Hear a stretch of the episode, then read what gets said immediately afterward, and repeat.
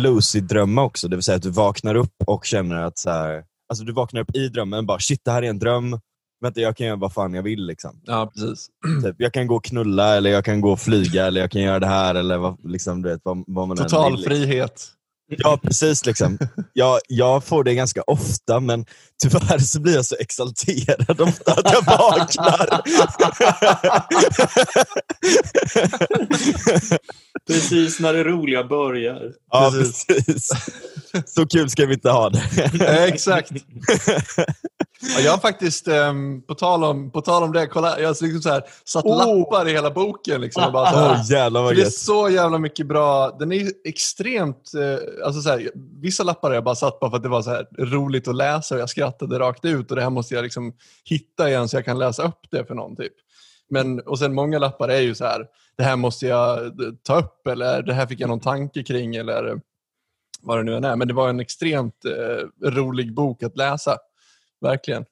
Ja, det är ju kul att höra. Jag har inte köpt den än, Mattias. Jag, det känns jättekonstigt, men jag, jag, jag sparade ju mig till bokreleasen.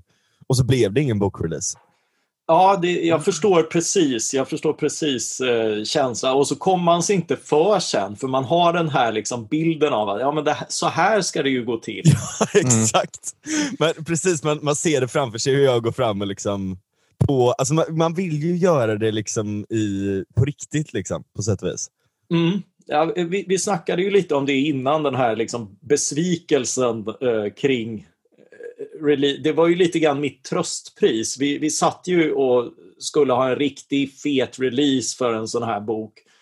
Eh, och skulle egentligen ha, den skulle egentligen ha getts ut i, i maj-juni. Eh, Mm. Och så bara, nej men det går inte att ha någon fest då så vi avvaktar. Uh, och sen höll vi ut, liksom, ja, men kanske i början av augusti, kräftor. Liksom. Kräftor kräva dessa drycker, det Ja. kör vi på. Och sen bara, nej, inte det heller. Nej, nu blir det inte alls. Ja, ja, då blir det en novemberbok då. Liksom. Och då var det så här, Ja. men det finns i alla fall ett litet tröstpris för du får i alla fall åka till Göteborg och köra en mini-release för en liten utvald publik och efterfest och inspelning och fan vad kul vi ska ha. Så jag, Ja. jag såg verkligen fram emot att sätta mig på det här novembergrå tåget genom eh, Sverige och bara glida fram till, få prata om boken, festa, träffa trevliga Ja. människor. Komma till våran studio. Ja, och, och, liksom, och, och, och sen bara rycks det också. Liksom. Det var oerhört bittert. Ah, för fan alltså. Det är Ja, verkligen en autentisk upplevelse av, av mycket som skildras i boken. Lite för autentisk. Ja, Ja. verkligen. skulle verkligen inte ha det så roligt. Alltså. Nej, jag såg verkligen fram emot den grejen. Just att så här, för, för det passar ju så jävla bra att sitta liksom och, och ha ett snack liksom en, en, en sen kväll i studion och, och dricka oss lite fulla liksom och, och prata om den här historien. Men istället så blev det nu liksom att vi sitter runt lunchtid via Zoom jag sitter där och dricker Ja, svagdricka. Jag, så- jag hällde faktiskt upp ett glas vin för jag tänkte att jag förtjänade det. Ja, det, Det gör du bra. det verkligen. gör du verkligen alltså. Det, Nej, men det, det är det närmaste Edvard Blom jag kommer liksom. På, på, podd, på podda och dricka vin som arbete. ja. Han gillade boken som fan va?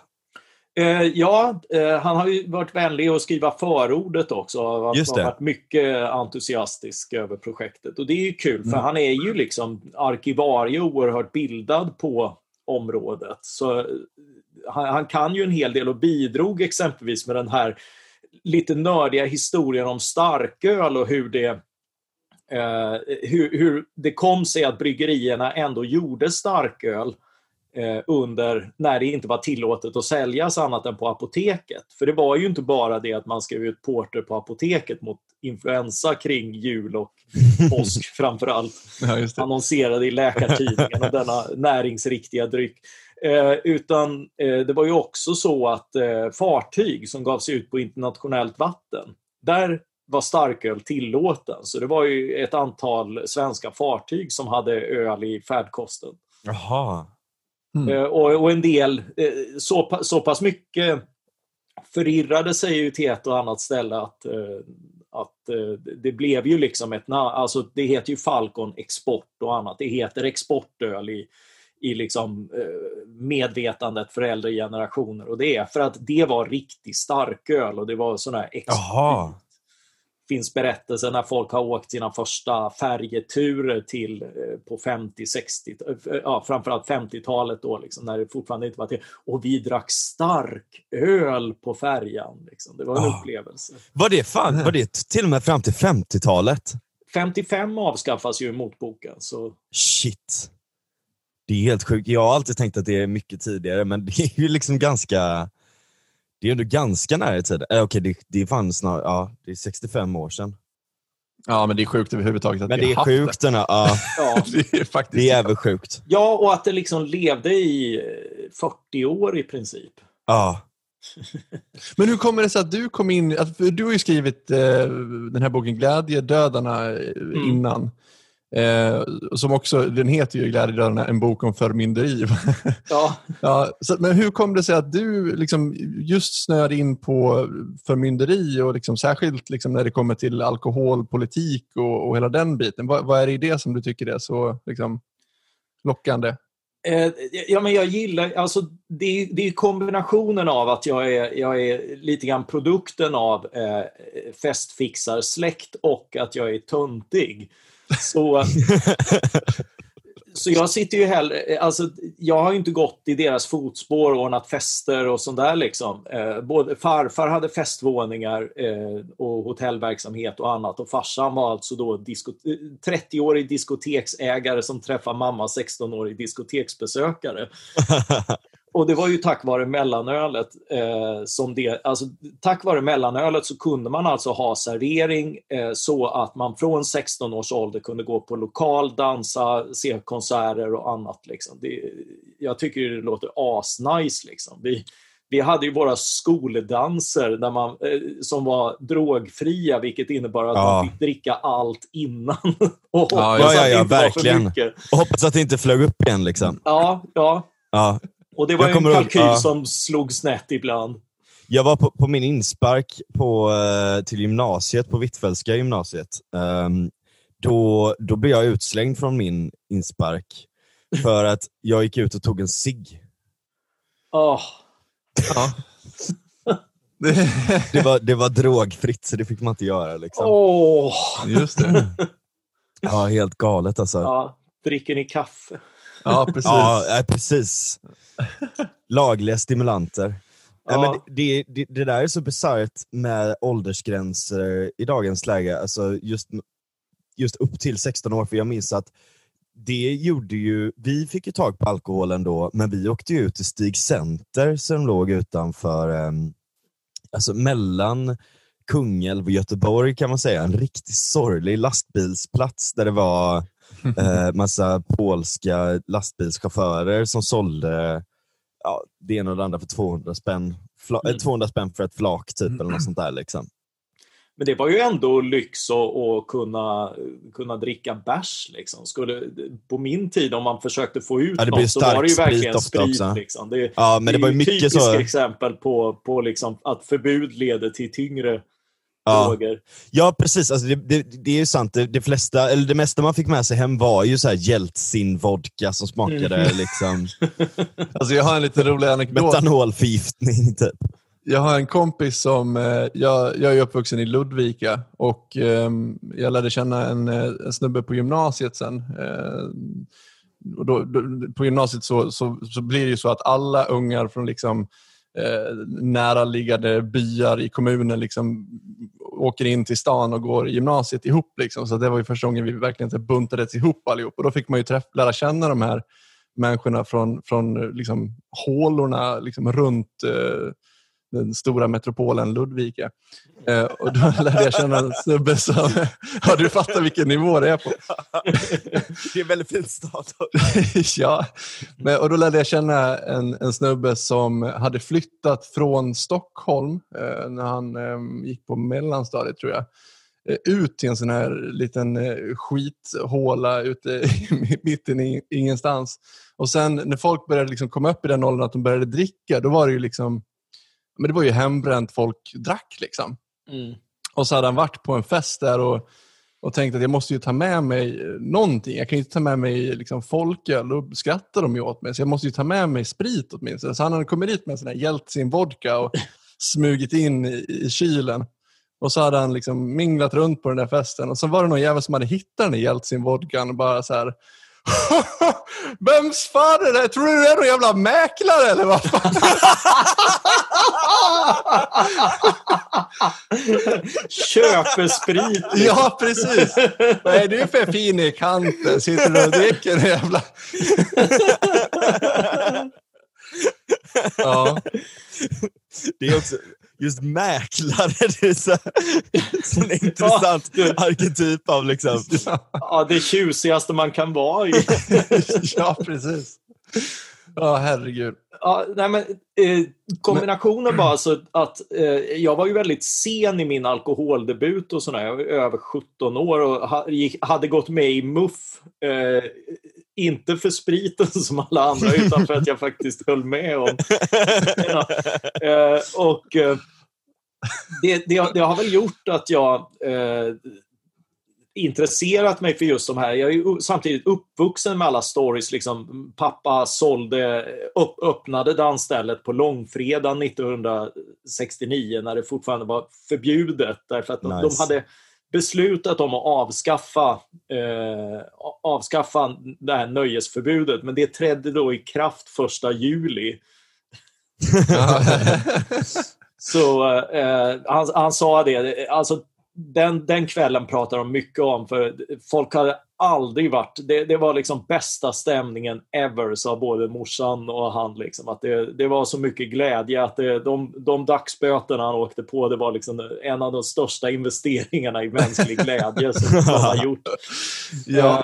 För det var ju liksom det där påbjudna tråkiga som alla kom med hemifrån. Liksom. Och, och, den som vill ha tråkigt, den som vill gå in i den eh, religiösa upplevelsen och sådär, fine, det finns jättemycket fint med det. Men, eh, men att tvinga alla blir ju liksom bara så här gråtrist och eh, löjligt och, och, och ja. på det här typiskt svenska sättet. Eh, men, men det, det, det, blev ju liksom samtidigt.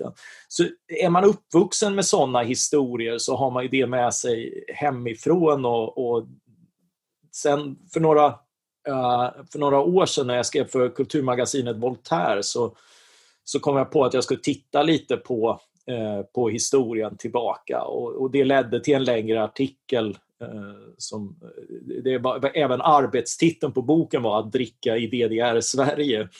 ja, bra titel. Ja, men, men den är ju mer 00-talen nu, för nu är folk så nu ska du prata om diktaturer? Det, det är fullt eh, så här liksom. Mm. Det, det, ironin har ju dött ut så, så titeln går inte att använda längre. Nej, exakt. Nej, precis. Men grejen är, så här, någonting som slog mig när jag läste den här boken, det är att det är, det är väldigt mycket folkpartister. Alltså. Och ja. det, det, det, alltså... Lita aldrig på en folkpartist. Nej, jag, jag vet. Men, men, men hur, hur kommer det sig att liksom folkpartister som liksom, åtminstone enligt liksom egen utsago ska vara liberala är så liksom, sugna på att eh, ha det så tråkigt det bara går? Liksom? De kommer från nykterhetsrörelsen. Ja. Det är ju lite grann en, idag, liksom. en, en produkt av att alltså de slår igenom med de här progressiva tankeströmningarna kring slutet på 1800 början på 1900-talet. Där, där man har en enorm övertro på politiken och politikens möjligheter. Och, och, det är ju dels nykterhetsrörelsen som är liksom, eh, IOGT och de här är ju liksom helt militanta. All alkohol i alla dess former ska förbjudas och det är liksom den den reform som kommer att förlösa hela samhället. Eh, och eh, det är typ ena halvan av Folkpartiet. För de, de, de spricker ju på den frågan 1923 efter folkomröstningen. Mm. Eh, och, och sen har vi de andra och de är också liksom lika engagerade i den här frågan men eh, lite grann eh, bratt och akademiker. Sådär. Han inser att akademiker och bättre bildade människor, deras drickande är ju inget problem. Vi, vi dricker ju vin och är sofistikerade. Eh, och så skapas då det här systemet av, eh, av att liksom, för det är ju hela tiden så, även de föregående socialliberalerna på 1870-talet i Göteborg, liksom, som ska, det man kontrollerar är ju spriten och arbetarnas drickande och, eh, och sådär. Det är det som får monopol till en början. Mm. Mm. Eh, och det är ju liksom eh, väsentligen för kontroll och utsugning och, eh, och blir ju liksom hak och tillhåll för de som bara super. Ja. Eh, men, men det ser man inte, utan man ser till intentionerna, man, man liksom knyter väldigt starka förhoppningar till, till politiken. Och sen lever det här kvar. Alltså de institutioner som Bratt lägger fast får ju liksom sina lojala byråkrater och allting sånt där. De kommer ju från Folkpartiet och sossarna. Mm. Det är de som mm. Bratt har kontakt med. Eh, det är liksom o, så här liksom korrupt bortom eh, bortom liksom fattbarhet riktigt som det lätt blir i Sverige med liksom sammanväxning av, av allas, all slags makt. Mm. Så han är ju ett slags entreprenör, ganska fascinerande person eh, och, och, går ju också vidare när, eh, när han är färdig, liksom, när alla institutionerna är på plats. Han sitter då i, i den här första utredningen som kommer, så sitter i tio år. Och han ruttnar lite grann. Nej, här kan jag inte sitta. Utan han går ut och fixar hela systemet själv och, ja. lämnar över det till, eh, till sossarna eh, som då tagit makten. Eh, och säger varsågod. Eh, och eh, det, det, sker ju liksom med, med många regeringars goda minne men, men och, och, under krigstid så folk har annat att tänka på. Mm. Eh, men, men, men det är ju en fascinerande gärning. Och sen har det liksom levt kvar då liksom att, att folkpartister har... Det är ju så också att med politiska frågor att de som vill reglera och förbjuda är alltid mer engagerade i en politisk fråga. Mm. Ja, exakt. Och det är därför de får mer... Liksom, det, det är eh, alltid en nykter... Finns det helnykterister, aktiva nykterister i, i ett politiskt ungdomsförbund så kan du ge dig fan på att det är de som har hand om alkoholpolitiken. ja, men det är precis som porrmotståndare och invandringsmotståndare och allting. Liksom. Det är alltid de som, som är oroliga och vill förbjuda och reglera mest, liksom, som, som ja. känner starkast för det här. Men jag, jag, tycker att det har varit en våg, inte minst eh, legaliseringsvågen nu runt cannabis och sådär. Där har det varit ett jävla engagemang från folk. Vadå angående att de inte vill eh, legalisera? Att, eh, nej, alltså, det är ett jävla engagemang från folk som vill legalisera. Ja, Okej, okay. mm, absolut. Det har det ju varit. Ja, ja, ja, lite grann. Eh, men, men de sitter ju inte i närheten av politiken. Nej, precis. Och de som sitter i politiken vågar inte sätta sig i närheten av dem. Nej. För, för att då uppfattas man som oseriös och, och att man tycker att det är okej okay att knarka. Liksom. Sen är det ju också, alltså, det finns ju en sån här lite tjusig folkhälsoaspekt också av, av legaliseringsfrågan när man liksom pratar om skademinimering och sånt där. Liksom. Det, det, det, är väldigt få som vågar ta bladet från munnen om, om att vi faktiskt skulle få ett väldigt mycket roligare helgliv om vi legaliserade inte bara cannabis utan de flesta droger. Och ganska jag är väldigt nyfiken på vilka betalningsmodeller vi så skulle få i utelivet om man, om ja. man vill liksom rava loss och sådär. Liksom. Det, det, Precis. Jag har funderat ganska mycket på det faktiskt. Och, och, lite, typ om man inte bara skulle ha allting på apotek eh, och sådär, hur man skulle lägga upp det. Och jag menar, Alltså, vi, vi, vi, utgår från principen idag att alkohol får säljas sent på krogen, eller nu får det inte det, Nej. till klockan tio. Men vanligtvis då, eh, bortsett från den här mardrömmen så, eh, så får ju alkohol säljas till ganska sent. Just för att det finns folk som kontrollerar försäljningen där. Mm. Eh, och att det finns folk som, som kan bedöma när någon är för full och så vidare. och så vidare. Men jag menar, varför varför skulle man inte välja att gå på samma princip med kokain till exempel? Mm. Att, att det finns folk där och, och de, det kan till och med vara så att man måste ha en licens för att få sälja det och man måste ha någon på plats som är utbildad i att hantera konsekvenserna om någon har tagit för mycket eller vad som mm. helst. Liksom. Mm. Uh, så då kan man ett, hålla koll på om någon har tagit för mycket kokain eller om någon börjar må dåligt av det och så mm. vidare och så vidare på ett sätt som är alltså, med samma logik väldigt mycket bättre. Ja, alltså trippa säkert. Liksom. Det, är, det är ja. den upplevelsen man vill ha. Att, ja, att liksom kunna, kunna gå upp i i liksom nuet och, och dansen och upplevelsen. Det är ju det droger är till för. Och, och ja. Det kallas ju ibland för eskapism och verklighetsflykt. Det kan det absolut vara. Men det är ju också ett ett tillfälle, och inte minst alkohol används ju så för att kunna gå upp i nuet. Att liksom mm. Mm. stanna upp i, i uh, farandet efter eh, mål i framtiden och strävan vidare och sådär som alltid är bra och nyttigt och sådär. Men emellanåt så behöver vi också den här upplevelsen av att nej men nu, här, i stunden ja. så trivs jag jäkligt bra. Hur höjer Verkligen. jag det? Mm. Och, men jag, jag, jag blir jävligt trött på den här idén om att det skulle vara eskapism. För att om det är någonting som är eskapism, då är det alkohol. För det är ju bara det är förslöande, fördummande och man blir lite så här, liksom. Mm. Det är skitkul och man börjar babbla och du vet, såna här saker. Det är skitkul. Men alltså, om, ta till exempel psykedelier. Det är inte eskapism. Tvärtom så är mm. det eh, en extremt förhöjande upplevelse som förstärker mycket tankar, insikter, intryck och så vidare. Ja, jag skulle ja, aldrig någon... våga mig på det av just den anledningen. så, så, jävla väl vill jag inte känna mig själv. Nej, men det är en bra poäng där, just, just den här grejen att eh, det var någon som skrev det på Twitter. Jag såg att du hade kommenterat Frans. Eh, för det var någon som skrev typ att så här, knark är bajs så därför ska vi aldrig legalisera. Och Då tänkte jag att så här, men det är precis därför man ska legalisera, för att knark är bajs. Och vi, alltså så här, det är ju så saker och ting blir, blir bättre. Ja. Eh, jag såg någon eh, sån här um, dokumentär, jag tror att det var på SVT, om hur kokainet tar sig till eh, till Frankrike, tror jag det var, från Colombia och hur liksom hela den processen, dels alltså från början liksom från hur de liksom tar fram det här och alla allt skit de häver i liksom, helt i mm. onödan och så blandar de ut det med liksom, Råttgift och... Eh, ja, det är liksom, ja, det är riktigt jävla nasty. Och det är ju på grund av att det här är ju helt eh, fritt på ett sätt. Liksom.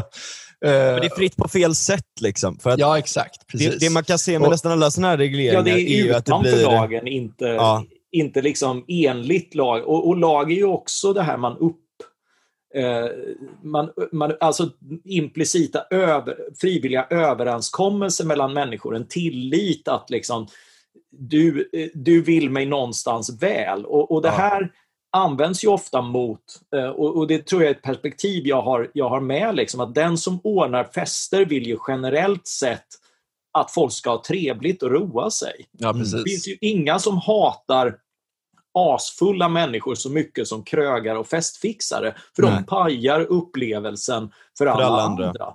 Men, mm. men det, det finns aldrig med. Och det var ju också liksom, eh, ja, krögarfamilj hemifrån. Vad fick jag för budskap? Lär dig ha roligt innan du börjar dricka. Liksom. Mm. Kan du kombinera med det sen, men liksom, eh, se, se, till, se till att get your priorities straight. Ja, verkligen. Det är ju så jävla intressant när man får följa det här. För att på något sätt, alltså ta kokain som är så extremt olagligt. Liksom.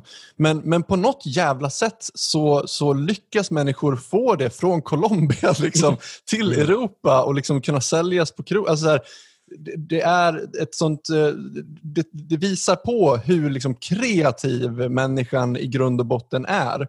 Och Det är ju det som är liksom så jävla intressant när man läser din bok. Just det här att man... Eh, när man försöker förbjuda saker och styra människor i detalj liksom från använda staten till att liksom verkligen så här, in i folks privatliv och verkligen så här, nu ska vi skapa den perfekta människan. Hur man inte ens räknar med att folk kommer göra som de mm. vill. Och ja. i och med att folk är extremt kreativa så kommer de liksom hitta sätt att komma runt eh, de här hindren som, som du sätter upp. Jag tycker eh. ett av de roligaste exemplen med det är ju att det finns, eh, jag tror att det är i USA framförallt, när man har så här jättetajt eh, fängelse och sånt där. Där mm. smugglar de ju in droger till och med på fängelserna.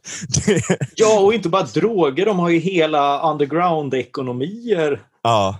Och jag menar, om det inte går att, eh, om, om polisen inte lyckas hålla droger från deras fängelser, mm. hur, hur fan har de tänkt liksom med resten av samhället då? Ja, precis. Ja, och just att det är drogerna som hittar in också. Det, mm. det, är, ju, det är inte så att det liksom finns en enorm marknad för, för god skönlitteratur som hade varit ett annat Nej, exempel visst. på, ja. Eh, på liksom att fördriva tiden.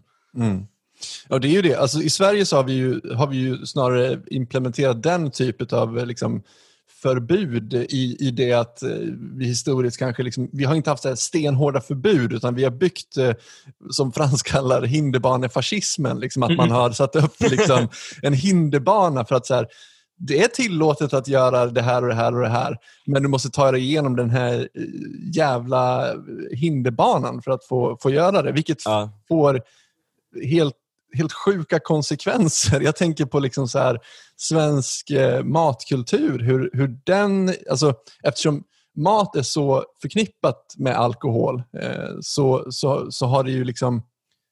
Eh, det är ju det här som är problemet när man håller på och förbjuder och krånglar och grejer. Att man, liksom, man, man förändrar och förstör liksom saker som hade kunnat växa upp på ett naturligt sätt.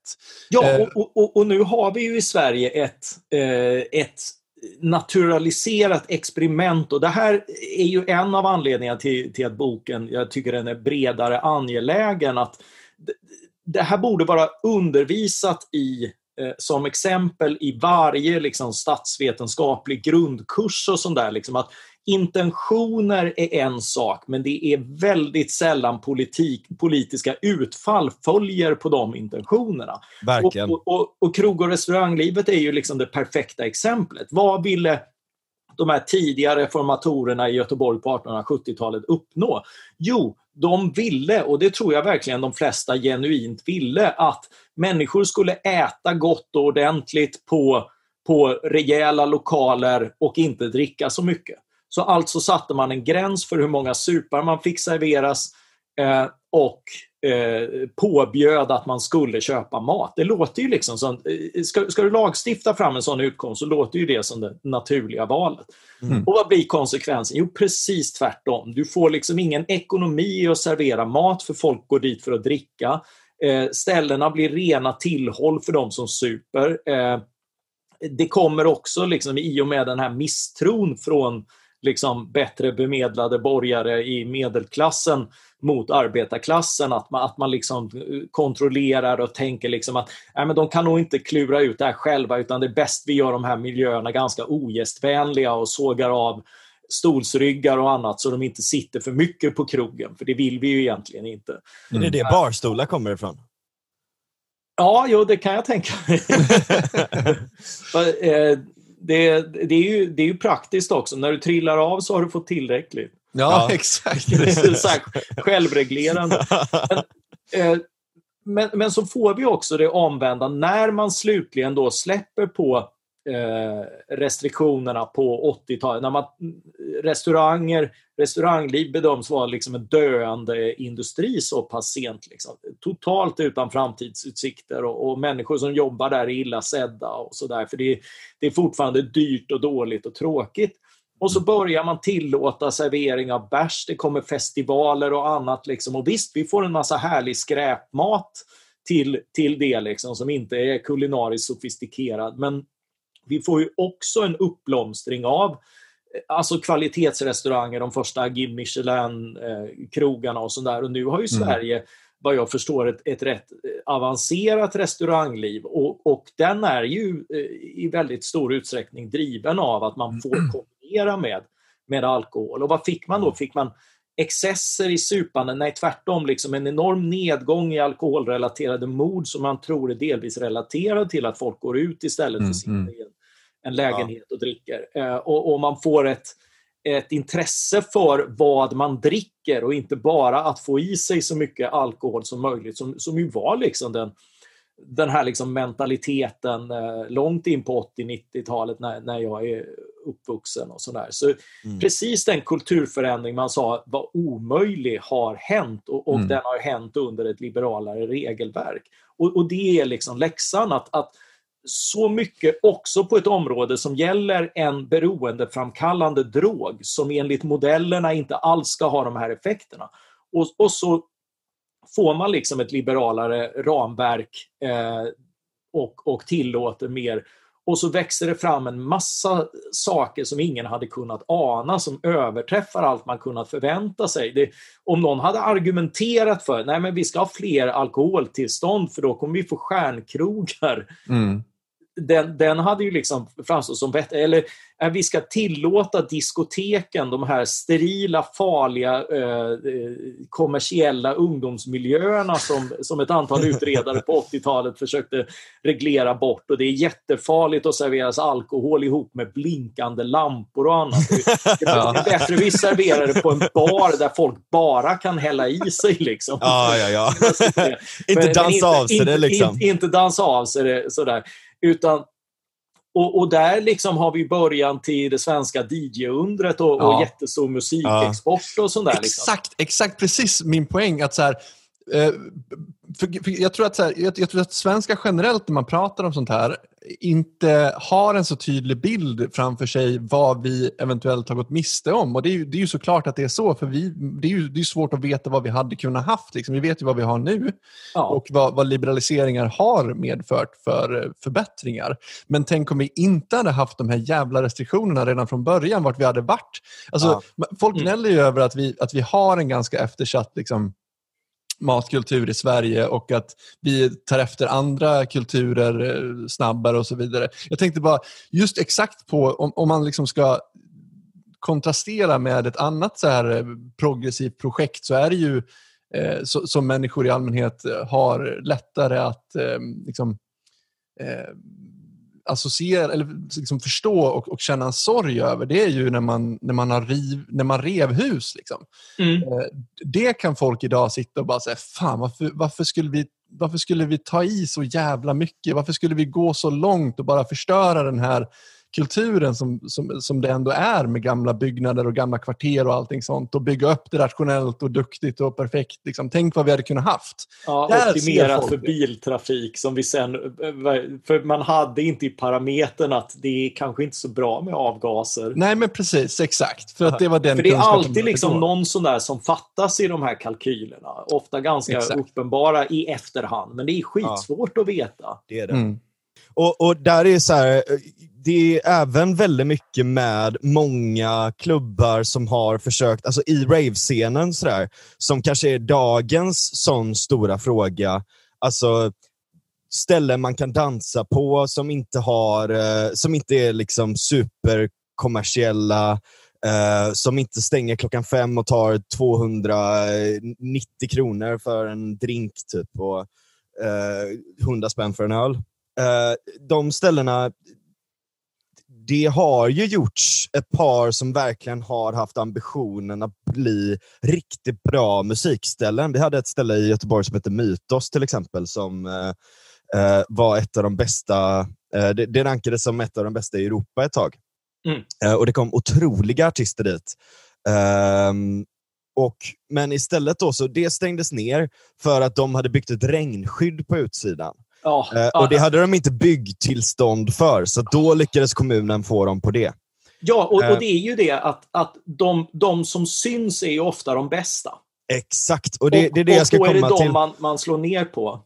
Precis, exakt. Och, och det, som finns, det som blir kvar, det är jättemånga, jag ska inte snacka skit, för det är många arrangörer som gör jätte... Men ibland så tycker jag att det kan, eller det finns en hel del problem, man ska inte sticka under stolen med det. Mm. Uh, det finns en hel del problem med uh, typ brandsäkerhet uh, i lokalerna och, ja. och säkerhet i, i, andra aspekter och så vidare. och dessutom själva förhållningssättet nu, alltså då kanske inte lika mycket om alkohol, utan snarare kanske mer om droger då, är att många kommer dit och när de tar droger så tar de inte kanske bara lite, utan det blir som att folk jagar efter Folk passar på och jagar efter så mycket droger de kan få tag på i vissa fall. Det, ja. det, det är väldigt, väldigt hårdraget, men jag har sett väldigt mycket uh, att folk tenderar att ta för mycket, för man tänker liksom nu äntligen är jag på ett ställe där jag kan göra det utan att det kommer en vakt och drar mig. Eller, du vet, mm. alltså, man känner att, det liksom, att man, man kan göra det där och då överdriver folk. Jo, men det är ju det är precis liksom parallellen till de drogfria skoldanserna. När man var tvungen att hälla i sig all spriten. Ja. Mm. Eller de här, ställ, de här barerna där folk bara satt och hävde i sig också. Ja. Det finns ju en intressant parallell där till mönstret för eh, aborter. Eh, Lena Lennerhed skrev ju för ett antal år sedan en oerhört intressant historik som heter Om ett brott, eh, som bland annat visar att de illegala aborterna var ungefär lika säkra osäkra som, eh, eh som eh, eh, de legala som utfördes. därför att eh, människor blev, eh, de, de, de, som var proffsiga blev duktiga på det här ingreppet. Det är, det är ju ett hantverk som mycket annat. Men det var ju också det att de som blev populärast var ju också de som åkte fast, för de blev mm. stora och kända. Och så, och så slog man till mot dem eh, och då blir ju liksom källarabortörerna kvar. Ja, mm. verkligen. Och det, det, det, är hela den här boop, äh, vet du, booptist, eller på att säga. Baptist, Baptists and bootleggers-grejen. Att det är några baptists som eh, sjunger salmer om eh, förbud och, eh, och blir påhejade av the bootleggers som, som, eh, som är de som kanske smugglar spriten eller drogerna mm. eller allt sånt där. Och i många fall, alltså istället för att jag tar en sån sak som gräs. Alltså det, det är ett högre straff om du odlar gräs själv. Mm. Uh, för att du inte vill stödja organiserad brottslighet. ja, det är, det är Gå till organiserad brottslighet. Liksom. Det är helt sanslöst. Liksom. Jag, det är en sån grej som jag börjat bråka ganska mycket med snutar på Twitter på sistone med. För de, det är alltid så här, du vet, när man pratar med folk, ja men det är olagligt och det är, om du köper gräs så gynnar du organiserad brottslighet som något jävla mantra. Liksom. Men det stämmer ju inte. Alltså, jag köper mitt gräs från en snubbe som odlade själv, era jävla idioter. här har vi Centerpartisten köper hemodlat. Närodlat. nära, nära dig. jo, men, jo, men det är ju det. Det ska ju få finnas närodlat och, och kungliga hovleverantören i den mån man ska ha en sån ska för fan inte sättas i fängelse. Resten, resten av kungliga hovleverantörer hänger de en massa medaljer på och sådär. Liksom. men ja. här... Men de som ger kokain åt uh, Philip, Carl Philip, vad heter han? Ja, det heter han. Och kungen, jag vet inte. Ja. Det känns som att någon av dem har tagit kokain i alla fall. Tänker du inte på han Chris? Är det inte han du tänker på? Ah, han har otrolig koksaura faktiskt. Ja, verkligen. Han ja. ser ju alltid liksom så här sliten och trött ut och käkar typ en mosbricka varje dag. Liksom. Det, han har den looken. Liksom. Ja, ja, men, ja, men det är väl också sprit. Lite så här eh, lunn. Ja, det, ja. det är sant. Verkligen alltså. Men, men, det, nej, men han har nog aptit på livet. Liksom. Det... Ja. ja. Nej, men, och men... det är ju det att ju mer man förbjuder någonting, desto mer, alltså, desto mer verkar det, det nästan som en naturlag. att Ju mer man jagar och ju mer man förbi försöker förbjuda både alkohol och droger, desto mer koncentrerat blir det, desto mer mm. farligt mm. blir det och desto fler substitut som är jävligt farliga kommer också. Ja, dagens och... läge, om du köper ecstasy eller om du köper kokain så har du ingen aning om vad det är som är i det. Det kan vara en jävla massa det kan vara RC-droger som inte har testats mm. eh, på riktigt, liksom, utan som bara är något form av experiment som kan mm. ha jättekonstiga konsekvenser och så vidare. och så vidare. Typ Spice-epidemin vi hade. Ja, just det. Ja, ja, ja, det är ju, det är ju liksom den, den ultimata förbudseffekten. Eh, mm. nej, men vi chansar vilt för, för att undkomma förbud eh, och då är det folk liksom som vill undvika tester på arbetet och sådär. Liksom, för, för då mm. kan de, det de har kört i sig som de inte vet något om kan de i alla fall säga att nej men det är inte förbjudet.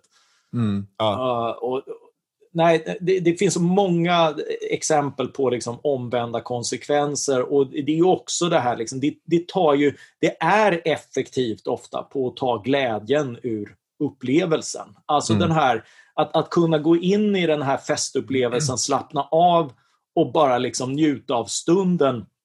Det är ju den som förstörs av att det alltid finns det här hotet att liksom razzia, mm. de kommer, eh, suger de mig nu så, så blir det liksom legala konsekvenser och annat. Liksom. Då, ja. det, då sätter man en oro i upplevelsen som är det man vill komma bort ifrån. Exakt. Det, det, är det, det är det som är så jävla bra med din titel på boken. Så, så ja. roligt ska vi inte ha det. Just för att det, det, blir ju någonstans det som blir kontentan, att man försöker liksom bekämpa det som människor faktiskt tycker om och tycker är roligt. Liksom. Ja, och eh. det är det man gör framgångsrikt. Mm. Eh, alltså, det, ja. Det, det, är ju liksom där, ja det handlar om missbruk också inklusive liksom hur, hur folk brukar och att det kan bli jävligt dyngigt utan att man är alkoholist eller, eller så. Eh, det, det, finns ju oerhört mycket problem.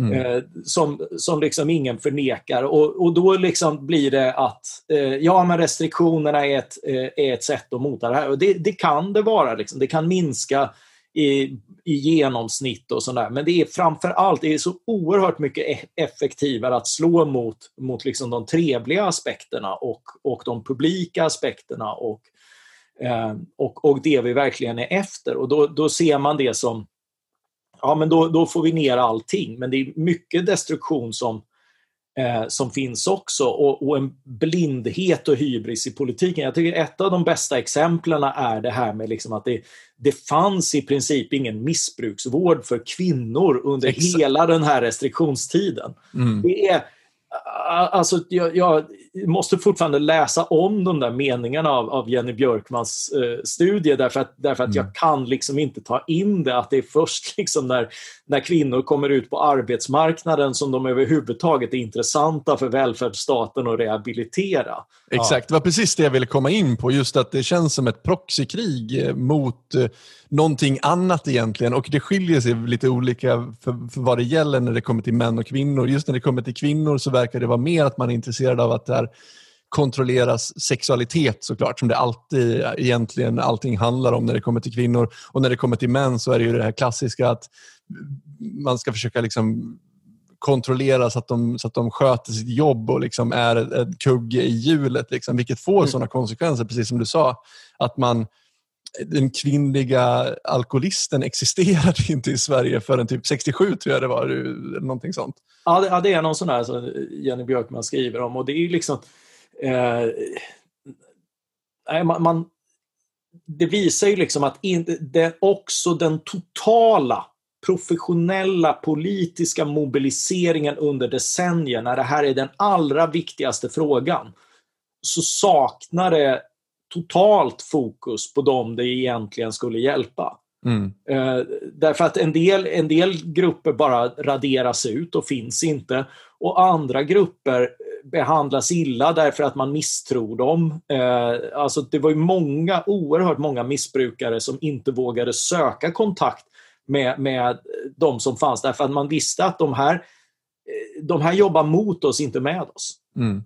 Uh, Stadsmissionen startade i Stockholm en, en linje för människor med alkoholproblem under motbokstiden och blev liksom fullkomligt nedringda av människor som var medvetna om att de hade problem, försökte göra något åt dem, men, men liksom vågade inte närma sig myndigheterna med, med den liksom straff pedagogik som, som finns där. Och det är ja. ju liksom det, med restriktioner följer nästan alltid ett stigma mot de som råkar illa ut. Mm. Eh, som gör, alltså det ser vi ju jättetydligt på narkotikaområdet. Liksom. Mm. När, när det är förbjudet så är människor inte bara de har inte bara problem med drogen utan de är utstötta ur samhällsgemenskapen och det är ofta ett högre pris i sig.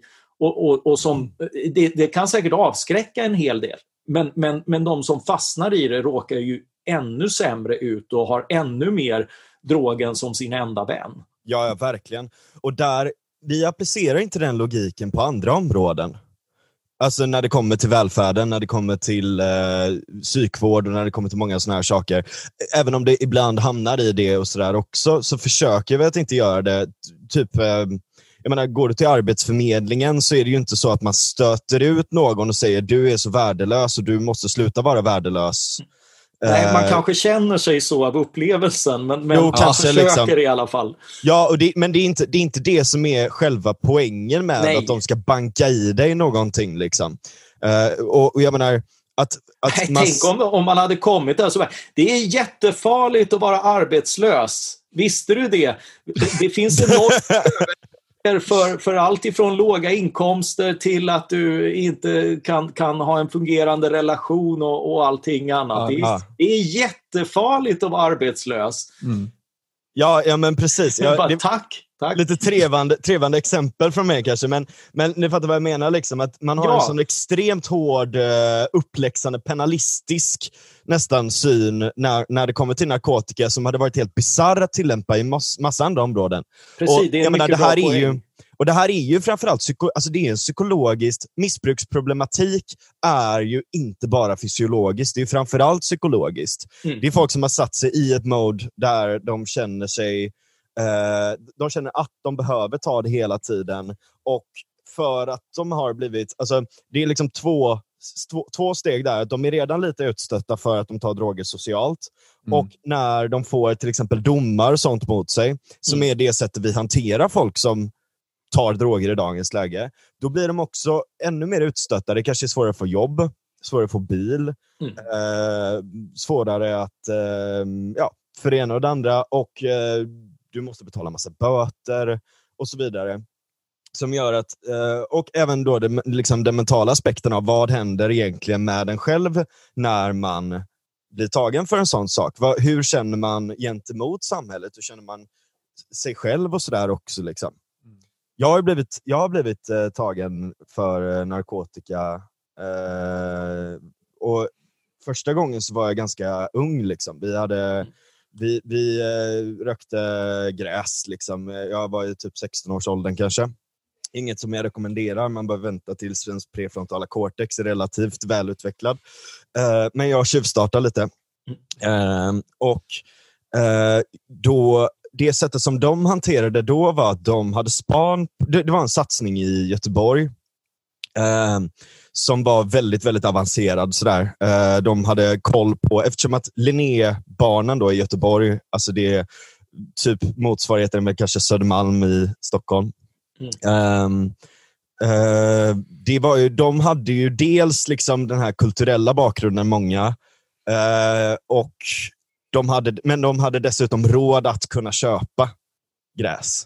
Liksom. Det är inte Mm. gratis, utan det kostar ju en del. Liksom. Ehm, Ja, det är ju Mm. mer förekommande i rika områden. Ja, just, just de bland unga för att de har Ja, råd ja. att göra det. Ehm, och, ehm, så de hade världens insats med det där. De hade satt span på oss för att ibland så hjälpte vi någon kompis att fixa och sådär. Och så också jag och mina kompisar. Liksom. Eh, och Sen så tog de oss uh, vid ett tillfälle. då. Vi skulle åka ut till, eh, till mitt sommarställe och bara ta det lugnt där. Liksom. Men istället så kom de så här, sluta knarka! Liksom. Drog, Ja, mitt på Järntorget och drog med oss och allt sånt där. Och Det var, så, det var en fruktansvärd upplevelse. För att, ja, Ja. Dels så, så slets vi ifrån varandra och kördes iväg till något jävla häkte eller av något slag. Sådär. Sen när vi kom dit så slängde, eh, så slängde de in oss fler, liksom, i flera timmar att sitta i eh, i häktet. Liksom. Jag satt med någon, avtänd, alltså någon snubbe på avtändning som bara “De har tagit oss, de kommer fucka allting, allting är förstört”. Så här, helt jävla du vet, som manisk, psykotisk. Liksom. Mm. Och Sen så sliter de ut mig därifrån, tvingar mig klar med naken. Jag var 16 år liksom, och de tvingar Mm. mig klar med naken, böja mig fram och hosta för att jag ska eh, visa att jag inte har kört upp något gräs i röven. För att gömma det för dem. Alltså det är, så... det- kommer det ut om man hostar? Nej, men du vet, ja, typ liksom. Då kan, de se, då kan de se hela jävla ringmuskeln där, jävla pedofiler. Liksom. Fan vilket, sig- fan, fan vilket jobb liksom att vara ringmuskelkontrollör. Liksom. Det, Ja, det, är- precis. Och inte bara... det är Alltså, liksom, tänk, tänk att det, det yrket och den professionen skulle gå förlorad. Liksom, och, precis. ja, precis. Vad alla, alltså alla pedofiler som gillar att kolla på 16-åringars ringmuskler, vad ska de göra? Ja, precis. ja, exakt. Ja, det, är, det är sjukt. Alltså, så här, och, då, och då är liksom så här, grunden i det här, det är som alltid att man, att man vill liksom ha ett, ett eh, ordentligt samhälle där folk är liksom skötsamma och, och det, det är ordning och reda. Liksom. Men, men det sjuka är ju det att man liksom så här, vad har man för, det har vi pratat om en massa i podden tidigare också, och det är väl en sån här liberal käpphäst, men någonstans så liksom vart, alltså hur, hur kan man liksom gå från att man, man, man vill ha ordning och reda och så tänker man att så här, om, om vi detaljstyr människors liv, då kommer det bli ordning och reda. Det finns ju ingenting som tyder på att det överhuvudtaget funkar på det viset.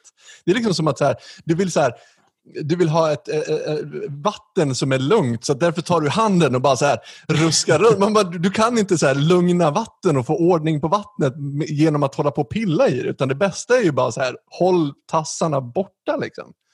Jo, men det blir ju aldrig bra nog och du kan alltid inbilla dig liksom att eh, att, att liksom, nej, men, eh, nej, det här blev inte perfekt, men en reglering till, om vi skärper lite till, om vi talar om lite till för folk. Liksom sådär. Det, är, det är självförstärkande och samtidigt liksom retoriskt oerhört tacksamt. För det kommer ju ofta ihop det här, vilket stör mig enormt, liksom, att, att det finns ett enormt bravado kring liksom, att, att man, man vill visa att man tar ett problem på allvar genom att föreslå militanta politiska åtgärder. Och ju mer militant, desto bättre. Alltså vill du verkligen signalera att, att du är engagerad i klimatet så, så ska det vara undantagstillstånd och diktatur och, och, och hej faderullan, för då har du verkligen visat. Eller så sätter du upp liksom, ja, men vi har ett mycket mer ambitiösare mål än, än ni liksom, sådär, till 2060. Liksom. Mm. Ja, visst, liksom, sådär, men, men, och, och, så kan man bråka om, om det målet är, är jätteviktigt eller hyperjätteviktigt snarare än att titta på vad kan vi göra, vad är rimligt att göra och, och vilka typer av samhällen har har en chans att nå dit. För i slutändan så är det ju inte de som kan peka med hela handen utan de som tillåter en öppen process där man får, får utveckla sig fram och pröva olika saker.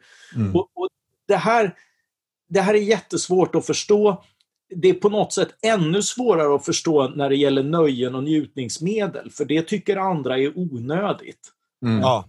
Och inte viktigt i livet och sådär. Och, och så ser man inte att det kan vara liksom alltifrån försörjning till liksom en, en väldigt rimlig del av, uh, av liksom ett gott liv. Verkligen. Det är så fascinerande att de har börjat använda begreppet partyknarkare. det är helt galet! Jo men det är ju det, du får ju inte ha roligt. Du får vara, du får vara en utslagen jävel som ligger på plattan och lider uh. av ditt missbruk, för då drar du inte in andra. Nej, exakt. Liksom. Och, och, i det läget, då är det så här, Precis, för då är det synd om dig och samhället ska finnas där för att få dig att sluta knarka. Men ja. däremot, så då, så här, den, den varianten, okej, okay, synd om dig, samhället ska hjälpa dig. Den andra versionen, du har kul, du mår bra. Och Det är liksom det värsta man kan måla ja, upp. Det, det är inte bara det att du vågar knarka, du vågar ha kul samtidigt. Liksom. Jo, men det där är ju harm reduction och lite grann där, där det leder. liksom. Nej, men vi ska ha vi ska ha ett systembolag för droger också. Liksom så, så, så, att vi ska fortsätta göra det eh, liksom, till, till en pissig upplevelse för alla som försöker, men vi ska i alla fall bädda ner missbrukarna. Liksom. Ja. ja, det är ju halvvägs rätt, men, men fortfarande så jäkla fel. Men något som är så sjukt, det är ju liksom det här, eh, människor som förespråkar eh, liksom ett statligt monopol, alltså Systembolaget, liksom, det är ju ofta samma människor som är livrädda för den fria marknaden, för att då tror de att det kommer växa upp monopol som kommer styra allting. man bara säger, men vad, ser ni inte? Liksom, det är exakt det vi har när det kommer till den här grejen. Och ja. det blir inte bra. Alltså det, och dessutom när det är statligt så blir det ju för fan ännu värre. För att du har ju liksom lagstiftat eh, att, att, du får inte ha någon konkurrens. Liksom. Och sen det här de här sjuka jävla konsekvenserna som, som kommer av att ha ett systembolag. Alltså, inte, inte bara det att det är så sjukt provocerande och liksom att vi överhuvudtaget har ett systembolag. Det är ju helt sjukt när man liksom kommer på det, för man är ju van vid det. Liksom. Man simmar ju runt i det här vattnet och tänker inte så mycket på det. Men när man väl tänker på det så bara, vad i helvete, vi har ett systembolag. Vi är så, liksom, vi har inte förtroendet att liksom, vara vuxna människor när det kommer till liksom, alkohol. Och sen, men det är inte, alltså, en sak som bara snabbt som, som stör mig så jävla mycket med Systembolaget, det är att säg att du vill Säg att du är en passionerad, säg att du är en Edvard Blom till exempel, eh, som har en enorm passion för eh, vin och, och dryck överhuvudtaget. Liksom. Mm. Och, och det, det, är kanske det du vill jobba med i livet. Visst, du skulle kunna jobba på en restaurang eller whatever, men, men säg att du skulle vilja jobba med liksom, det Systembolaget pysslar med. Eh, då får du liksom inte jobba där om du inte delar deras åsikter om ja. att liksom restriktionspolitiken är den bästa politiken. Tänk om du hade haft detsamma. Säg om du vill bli sjuksköterska till exempel.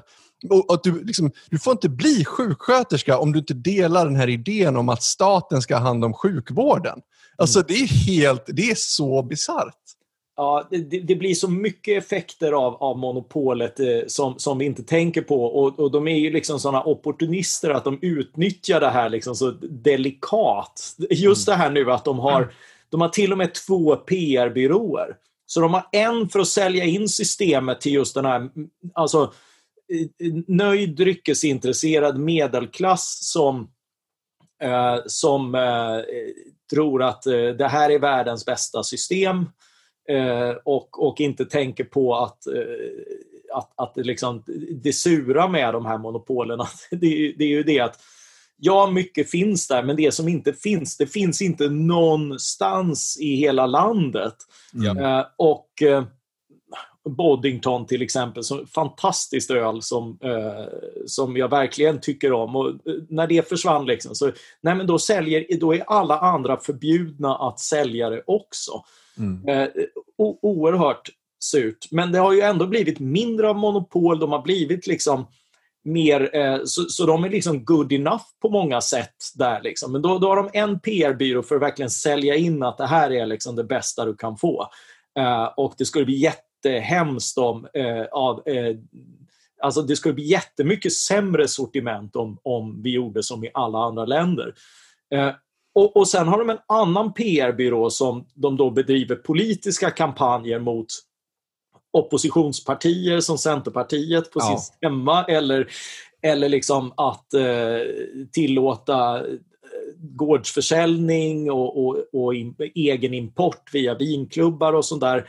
Eh, och, och en massa militanta restriktioner som, som vaktslår monopolet. Det har de en annan PR-byrå som då råkar vara samma som IOGT-NTO har. Liksom, som är sådär, alltså, myndighetsaktivistisk och, och liksom politisk i hela sin agenda. Jag tror inte ens de kallar sig PR-byrå utan något annat fint. Liksom. Ja. Uh, och, och, och då har det gått jävligt dessa, långt. ja, till båda dessa strömmar liksom offentliga miljoner eh, till, till liksom Liksom välavlönade ADs och annat. Liksom. Det, det är så oerhört eh, du skriver ju precis så jävla bra om det i boken. Just det här med att så här, i ett demokratiskt land så är det, är det liksom folkets uppfattningar som styr staten. Att staten styr liksom folkets uppfattningar i den här frågan är liksom ja, men du skriver det är en tanke hämtad från helt, helt andra system. Liksom. Ja, ja och, och, och det här både liksom Systembolaget och byrån som fick i uppdrag att, eh, att liksom ändra folks opinion, alltså ett politiskt uppdrag. Mm. Eh, att, att bedriva politisk propaganda. Båda skryter med det. liksom, det är så bisarrt. Det är så svenskt liksom, att, att liksom, ja, nej men vi är inte korrupta för vi är öppna med det. ja, ja herregud. Men en sak som jag måste fråga, som, som du skrev lite kort om i boken, och som jag bara säger what? Det här hade jag ingen aning om. Och det kan vara jag som så här, jag vet inte, det kan vara jag som har dålig koll eller bara så här, jag får skämmas nu om någon säger vad fan det visste du väl. Men, men det är just det här att du skriver att många populära viner som finns på Systembolaget eh, som vi tror är liksom från Italien och så vidare i själva verket tillverkas i Skåne och förses med etiketter och förpackningar ja med förljugna liksom, historier om vinernas ursprung. Ja. Eh, och ett alltså, kilo socker i också. Ja, men exakt. Mm. Ja, mm. smak, eh, alltså, kan du inte berätta lite mer om det för de, för de som lyssnar som inte känner igen det här överhuvudtaget och är lika okunniga som jag om, om just den här saken? Ja, alltså det finns ju en, en, en bok om, om det här av han, jag tror han heter Mats G Nilsson, som, som eh, han, han är, jag kan tycka att han är väl militant i sin kampanj mot allt matfusk och sånt där. Liksom, så fort det är någon, någon kemikalie iblandad så, så, så är han förbannad. Men, men här har Oj, han Då måste han ligga i jävligt mycket. Ja, ja jo, det är kemikalier inblandat i mat. ja. Det, det, är ju gjort av... Ja. ja, inga, inga gener i maten som det stod i en butik i Göteborg. uh, och uh, Nej men, nej, men så fort det är någon, någon sån här tillverkat eller tillsatt eller något sånt där liksom, så, så är han väldigt militant. Eh, så han har att göra liksom sådär. Eh, och, och jag håller inte alltid med honom. Men, men här har han ju ändå poänger liksom i att han har gjort ett stort reportage om hur det går till på de här vinmässorna där, där Sverige liksom köper mest bulkvin av, av alla liksom, som sen får en, en, eh, en kändisetikett och annat. Och, och det här har ju en förlaga i eh, i de så kallade lantvinerna som var populära på, på eh, 80-talet. Eh, för det var ju Vin och spritmonopolet som kom på det att det skapar ju jobb om, om vi åtminstone kan, kan eh, importera dunkar med vin och tappa om dem själva så skapar det jobb i Sverige. Så, så det var ju en sån här jobbskapande åtgärd. Eh, det är så jävla dumt! Jo, men det är ju det. Alltså, monopol blir ju självtillräckliga. De får, de får ju en agenda som inte nödvändigtvis överensstämmer med, eh, med liksom vad, vad folk vill ha. Ja. Eh, och är ju liksom fria på ett sätt liksom mycket fria att, eh, att anpassa sig till det. Där har vi ju liksom den här fantastiska historien med Absolut-vodkan. Att ja. man liksom kommer på att, nej men fan, eh, då, då kampanjar Systembolaget för vin och även om man liksom har, har ett stort segment för vin man tappar upp själv eh, så, så ger det inte samma sysselsättning som sprittillverkningen som är liksom the backbone av, av liksom den svenska tillverkningen. Vad gör man då? Eh, jo, man, man, man, ser till att om vi inte kan sälja till vår enda kund i, i Sverige så skapar vi en produkt vi kan sälja utomlands och så lyckas man liksom få liksom en av de bästa marknadsföringshittarna ever med den här flaskan och allting, alla inblandade. Så där. Liksom det det ja. låg precis rätt i tiden och är en enorm succé som, som de aldrig lyckats upprepa efter det därför att du kan kartlägga receptet hur mycket som helst. Du, du måste ha en jävla tur om, om det ska lyckas. Men, men liksom sådär, alltså hyckleriet i att att eh, samtidigt då som vi förbjuder reklam hemma ska liksom styra mot annat än starksprit och precis allt det som, som inte var tillåtet hemma, det unnade sig det statliga monopolet här genom att sälja starksprit med alla reklamkampanjers moder ja. till liksom en, en ung och hipp publik. Liksom. Ja. De, de satt ju till och med och, och eh, och, och, lekte med Absolut Kid vid något, eh, varumärke Absolut Kid vid något tillfälle med, med sådana här blanddrycker. Eh, det, det, var, det, var för, det var förstås absolut inte tänkt för en yngre målgrupp, men Nej. Ja. det är ju en sån här grej som är väldigt rolig i boken att läsa också, apropå det här med att uppmuntra till drickande, eller olämpligt drickande. Som, men just den här etiketthistorien ja. är så... Alltså så här, när, jag, när jag läste det i din bok så, så liksom, jag, jag låg i sängen liksom, och, och, min sambo låg bredvid och höll på med sin dator. Och jag liksom så här, jag låg ju och garvade liksom, eh, hela tiden och till slut så fick jag liksom ligga och läsa upp hela jävla skiten för henne så att hon skulle bara förstå vad det var jag låg och skrattade åt. Det är väldigt roliga Ja, ja, ja, det är ju helt, eh, helt obetalbart. Och jag, jag älskar ju framförallt liksom när eh, det är bra journalistik från Sydsvenskan när, när de ringer upp han den stackars presschefen som ska förklara varför man förbjudit en, en tecknad kvinna på ölet Lust. Och han liksom, ja, hon ja. är väldigt yppig och målar liksom att det, att det skulle kunna vara trevligt att Uh, sådär, liksom. och ändå, det, det, är en tecknad kvinna liksom, med, med liksom all, alla väsentligheter dolda liksom, i, i alla samhällen utom extremt muslimska. Liksom. Jag tror, var det inte någon gång de, de liksom censurerade någon, eh, eh det var någon eh, eh, bläckfisk som hade typ knivar i händerna. Ja, ja, för det får inte vara vapen. Nej. Det, det, det, det, är olämpligt att hantera.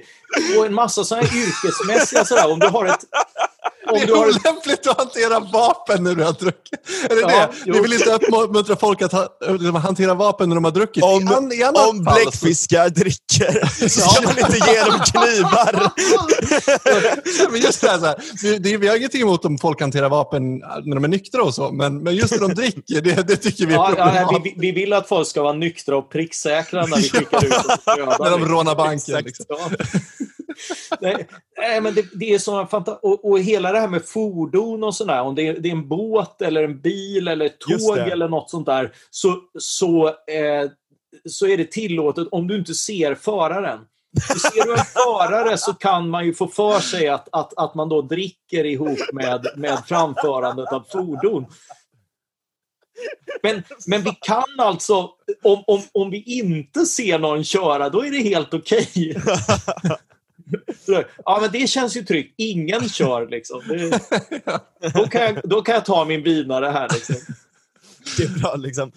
Porter gör en sån här stor jävla skepp, liksom, men du får inte ha någon kapten på den. Liksom. Ja, precis. Ja. Mm. Aj, herregud vad dumt alltså. Ja, ja, men det är ju sån här liksom, så säger de, ja men det finns ju faktiskt regelverk som vi följer och sån här liksom. Jo, Ja. Men, Men det är de som suger! ja, liksom. alltså, alltså det regelverket är ju också så sinnessjukt liksom. Sån här Spendrups skickar ut på så här, det är gott med kall öl liksom. Ja. You can't handle the truth liksom. Det får man inte säga liksom. så här, det är sant. ja. Eh, Men, men det mesta, liksom, det är, alltså, hade man sett en lokförare på ett lok, liksom, som, eh, något öl som tillverkas i lokstallar och vill liksom, eh, eh göra anspelningar på det. Nej, det, det, får, det får man då inte göra. Liksom, sådär. Det, är, det är ju så oerhört långt. Det är inte så att ens konsumentlagstiftare skulle skulle ingripa på grund av det, utan, utan de blir ju militanta själva och det är ju så, så, det är ju vad som finns kvar samtidigt. Så det, är ju, Ja. det är ju sysselsättningsterapi för, för liksom förmyndarsjälar. Det är det de har kvar. Liksom. Av, en gång i tiden så höll de folks hela tillvaro och en massa intima uppgifter om dem i sin hand och bestämde om de fick köpa starksprit eller inte, för det var det enda de fick köpa. Och, och nu kan de kontrollera etiketterna. Liksom. Ja. Men det där, alltså jag skulle vilja vara en fluga på väggen på ett sånt möte. Ja, och ja, se eller hur tongångarna går. Kan man, kan man liksom inte tvinga ut dem liksom ur, ur deras hålor, höll jag på att säga. Men alltså, de här vampyrerna. ja, precis. Men jag tänkte på just den grejen eh, du berättade om det här med att, eh, att man eh, skapar jobb och så. Bara en liten parentes i det här. Att, att jag stör mig så jävla mycket på när folk pratar på det sättet. Att de säger att det här skapar jobb och bla bla. Vi, pratade med, vi hade ju med Myra förra veckan Mm. och då pratade vi om just den grejen. Att, fan, att det är så sjuk tanke på något sätt att liksom, vi tror att, att jobbet är det som är det viktiga. Liksom, Ja, det att det har centrala. ett egenvärde i sig. Ja, liksom. precis. Medan så här, nej, det finns inget egenvärde med ett jobb i sig, utan det handlar ju mer om att så här, det, det, någonting behövs uppenbarligen göras, liksom, och det är det som är det viktiga. Och behövs inte det längre göras så behövs inte det här jävla jobbet. Liksom. Det är liksom helt Ja. mer bakvänt. Liksom.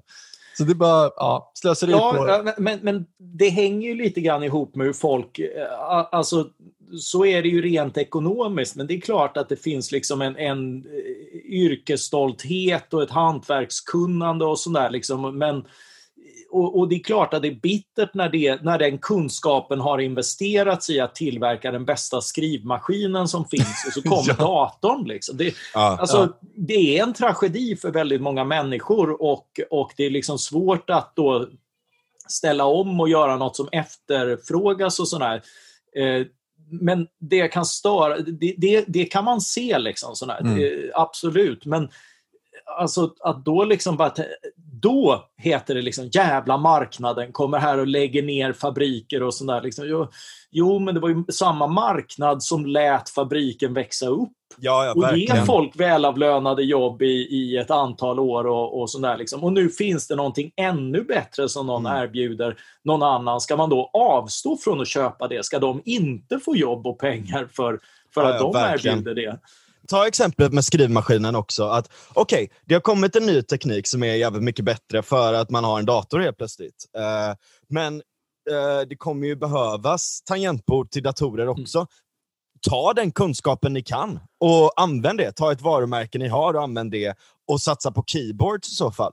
Alltså mm. såna maskin-keyboards, ni, ingen av er är ju såna här datorspelsnördar, men mm. folk betalar ju sanslösa mängder pengar för att köpa såna tangentbord eh, som har liksom rätt så här, som, liksom, eh, Lite som motstånd rätt klick. eller? Ja, ja, precis. Ja, rätt klick och så här. Klack, klack, klack, klack, klack, klack, liksom. ja, men det är ju så många sådana här tekniker som, som kan tas tillvara och sådär på. Det, det är rätt häftigt. Själv, själv är jag ju liksom så här dum i huvudet så jag, jag, jag satt ju där i högstadiet och var liksom så jävla obstinat. Maskinskrivningen är dumma i huvudet. Varför ska jag lära mig maskinskrivning? Det kommer ju finnas datorer i framtiden. ja, precis. så, Alltså, man, man, är ju inte alltid sin bästa vän genom, genom, genom att, att tvivla på saker och ting. Och Det där är väl ett typ, typiskt exempel. Likaså liksom satt man några år senare. Datorer, vad fan är det? Liksom? varför ska jag lära mig det här?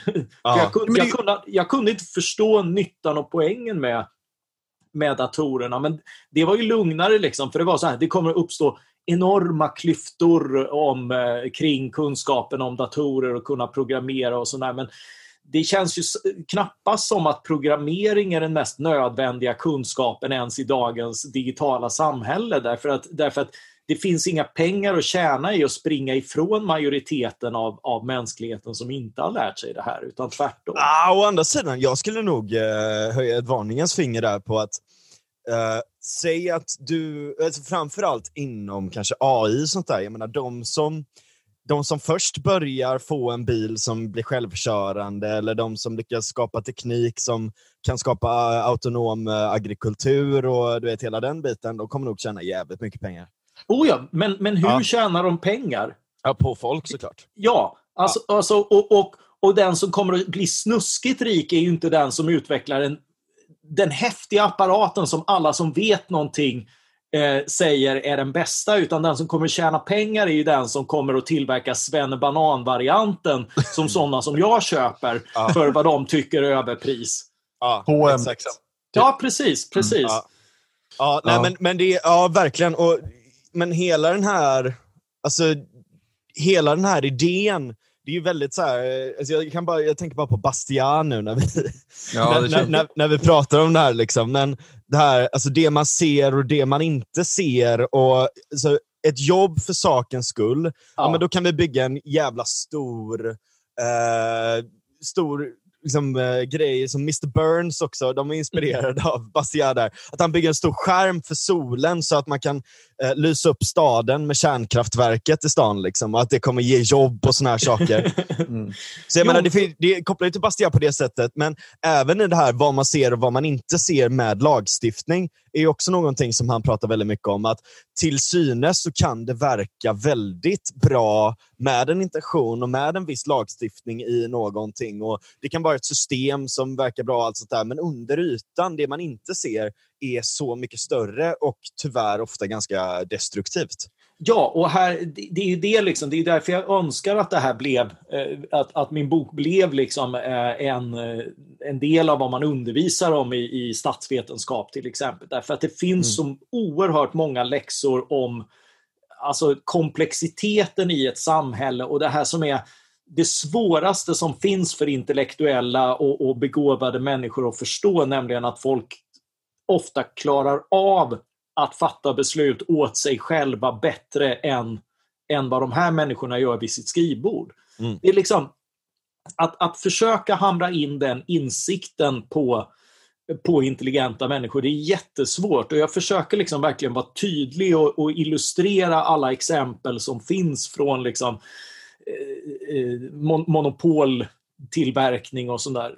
Det här med eh, med liksom skapa jobb är ytterligare ett exempel på att de, de här organisationerna får ju sina egna intressen mm. och sin egen agenda och, och, sitt eget sätt att se på världen som inte, ja. som inte stämmer med eh, vare sig liksom uppdraget att, eh, att liksom vara återhållsamma och hjälpa människor med missbruk och sånt där.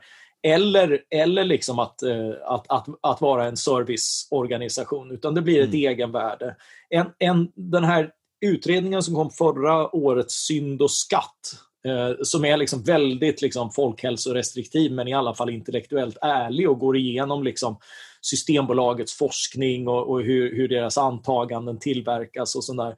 Ja, det där är så jävla... De hittar ju på... Alltså de, de cherrypickar och hittar ju på forskning. Ja, Det är en myndighet som alltså som bara hittar på saker och ting för att, för att liksom självberättiga sig. Liksom. Mm. Ja, ja det, det är ju liksom så här, det, det visar ju hur de här organisationerna får en egen agenda. Jag tycker en annan uppgift är eh, nästan den intressantaste i, i den här, för att, att, att, liksom, att det förekommer propaganda och, och lögner i, i drogfrågor från myndigheter är ju liksom, det får inte mig att trilla av stolen i alla Nej. fall av chock. Inte Men- mig heller. Men, men däremot det här Paus där, jag måste en passus. passus. Alltså, majoriteten av Sveriges kommuner har tagit in scientologer för att undervisa om farorna med droger. Bara, bara så att vi förstår, liksom, så vi Far förstår nivån. alltså, ja, det, Mm. Ja, men, det, är- det är härligt. Eh, nej, men alltså, det är ju det här med att det har sagts liksom att ja, men Systembolaget är en stor uppköpare så de kan pressa priserna. Ja, det kan de säkert, men de har fortfarande större påslag än alla andra länder därför att de har den här liksom bekväma byråkratin som sväller och sväller och alla PR-kontrakt och sånt där. Så Mm. Jag tror att ICA-koncernen är större också. Vad? Alltså ICA-koncernen, Hemköp, Willys, bababa, alla de här. De är ju större koncerner Ja. än vad Systembolaget är. Ja, fast, fast liksom, att, att vara liksom den enda uppköparen i landet på alkohol gör dig liksom närmast per definition till en större kund än vad någon enskild kommer att vara Ja. eh, på, på en Okej. konkurrensutsatt marknad, på, på de marknaderna. Ja, Mm. kanske är. Och då menar, menar man liksom, det har sagts sådär slentrianmässigt att ja, men det är ju bra för då kan man pressa priserna. Eh, Mm. och, och det kanske de gör, men det är inget kunderna får nytta av. Utan det gynnar ju i så fall organisationen. Mm. I den mån det alls är sant. Mm, mm. jag, jag jag bara kom att tänka på det, just det här att, eh, för du skrev också något där i förbifarten eh, i, i boken att, att eh, utskänkningstillstånd och sånt är ju, eh, jag, jag tänkte på det apropå den här um, att, att du inte får jobba på Systembolaget om du är liberal i princip. Mm. Eh, Men det är samma om du driver en bar till exempel och vill ha utskänkningstillstånd. Om du är eh, liberal helt enkelt så, Ja, så har du svårare att... Alltså, eller du får inte ens... Ja, eh, I Göteborg så får du inte, om du har narkotikaliberala värderingar eller något sånt där i skrivelsen, så får du inte bedriva eh, alkoholförsäljning. Ja, eh, det där, eh, jag vet inte om alla har det inskrivet eller om det är liksom kommunala stadgar, men det är uppenbart en formulering som har letat sig in överallt och som är liksom, eh, ja, ska du ha näringsfrihet så måste du ha vissa politiska åsikter och det är ju förstås Ja, liksom helt jävligt bisarrt. Ja. Jag tror att det är kommunal, eh, kommunal inskrivelse. Ja. Jag, jag vet inte om det någonsin har åberopats. Nej. Alltså, vi- skämtade väldigt mycket om det. Alltså, vi hade ju en bar eh, med centerstudenter eh, och, och CUF eh, back in the day. Alltså, nu snackar vi fem, mer än fem, sex, sju år sedan nästan. Du var ju där Mm. någon gång också, tror jag. Eh, och jag menar, rent tekniskt sett så borde ju vi inte haft tillstånd att göra det. Nej, För att vi vill ju legalisera. liksom. Nej, men det, det är så absurt det här liksom att, eh, och det, det är ju också en sån här, alltså drogliberal, eh, vill man att någonting var fritt så antas man liksom vanligen vara en entusiast eh, Mm. och, och Ja. ofta okritisk förespråkare och sådär. Det där är Mm. ju intressant på drogom, alltså om, om jag levde i närheten av vad folk liksom tillskriver mig för att jag skriver om, om liberalism i de här frågorna så, så skulle jag inte leva länge till. Nej. Eh, Nej, du är väldigt återhållsam med, med, med sånt. Jag har försökt bjuda dig på gräs och sådär, men... ja, ja, nej, eh, jag, jag brukar säga att jag, jag, eh, det, jag, jag har rätt tråkiga erfarenheter av det där. Jag har aldrig liksom, riktigt eh, Fastnat för. fastnat för den drogen även om det var kul första gången. Men då var man 17 så var det inte kul då. Eh, men, eh, och, och det är ju just det här man, man också kan se att under den här liberaliseringsfasen när folk faktiskt dricker mer eh, under, under 90 och 00-talet så har du ett antal utvecklingar som går ganska tydligt i motsatt riktning. Det, det minskas med eh, alkohol, att, att köra berusad i trafiken. Mm. De som anger eh, att, att de har det. Det utvecklas en starkare norm och där har vi lagstiftning också förvisso, men, men eh, det förstärks under perioden. Det finns en starkare norm mot att eh, dricka under graviditet helt enkelt för att man har fått bättre kunskap om, eh, om hur det är och eh, det finns en väldigt tydlig utveckling mot minskat drickande på, eh, på arbetsplatsen.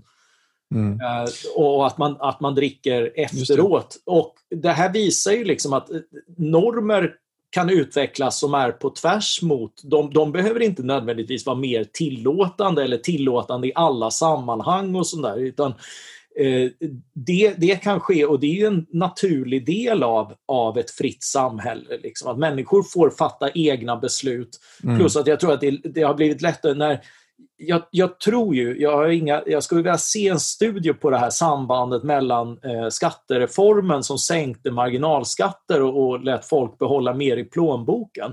För jag tror att det var en boost för after work och det här att man kunde betala själv på restaurangen istället för att leta efter alla avdrag i, i restauranglivet som krävde det. liksom, yrkeskoppling. Mm. Ja, det är faktiskt eh, ganska bra poäng just det där med, med just att frihet också gör att, för jag menar så här, eh, att folk dricker sig fulla på jobbet, det är ju fan ingen som tjänar på det. Alltså ingen tjänar på att folk är fulla på jobbet. Liksom. Eh, men om man tittar då, som, som du skriver i boken också, att, att det var ganska vanligt förr, alltså under 50, 60, vad var det, 70? Alltså där, Ja, ja, att folk alltså, var fulla på jobbet. Liksom. Och det är bara för att dra den, bara för att göra en liten poäng där. Att, eh, just att när du har ett samhälle som värderar jobbet snarare än det som behövs göras, så är det ju okej. Alltså, då kan du ju ha folk som är fulla på jobbet medan du i ett friare samhälle så blir det rationellt att liksom inte värdera att folk är fulla på jobbet, vilket gör att vi får bort sådana problem. Liksom. Ja, alltså det går ju inte. Det, det gick ju då på stora fabriker och, och, och ha no, någon som var lullig om du hade liksom den, den kulturen och sådär. Det har ju hela tiden liksom varit på väg bort från det. Därför att det, vi kom från det gamla bondesamhället där alla gick och drack som, som var ute och, och slet på åkern av, eh, av, av andra skäl också. Liksom. Det var ett sätt att få i sig näring och, och eh, det fanns liksom inte kranvatten. Det här var bakteriefritt och annat. Liksom. Plus att du hade krämpor, det var före tandvården och hela det här. Liksom. Så, Ja.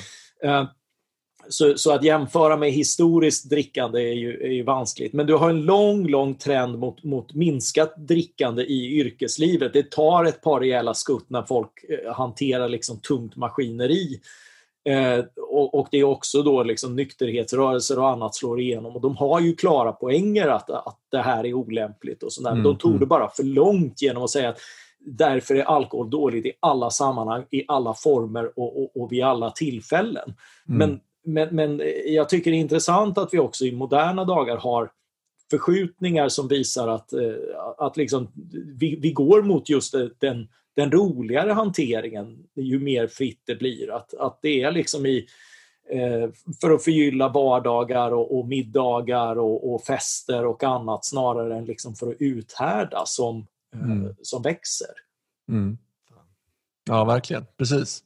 Det är- exakt. Det, det är också en väldigt bra poäng att så här, ju rikare vi blir, eh, desto, desto liksom sundare blir vi ju. Eh, just av den anledningen att så här, vi behöver inte bedöva oss för att liksom, uthärda, precis som du säger. Och, Ja. och, och liksom, man behöver inte skaffa 20 barn för att eh, hälften dör. Liksom, utan vi har en så pass hög levnadsstandard nu att, att det- det är eh, det är rationellt. Jag, jag gillar inte det ordet, för jag tror inte att, alla, alltså, jag tror inte att människan är helt och hållet rationell. Men, Det är den inte. nej, precis. Men, Nej, och fy fan vad tråkigt det var. ja, Verkligen! Nej, men jag menar bara, det, det, det, liksom, det, det, det följer sig ganska naturligt att det, att det, det är ganska dumt och, och, liksom, eh, Ja. och, och vara destruktiv eh, där. Liksom. Jag tycker det där är så fascinerande också med vilka... Alltså, okay, vi har tillåtit alkohol, det har sina kulturella förklaringar och allt sånt där. Men å andra sidan så har vi ju haft alltså,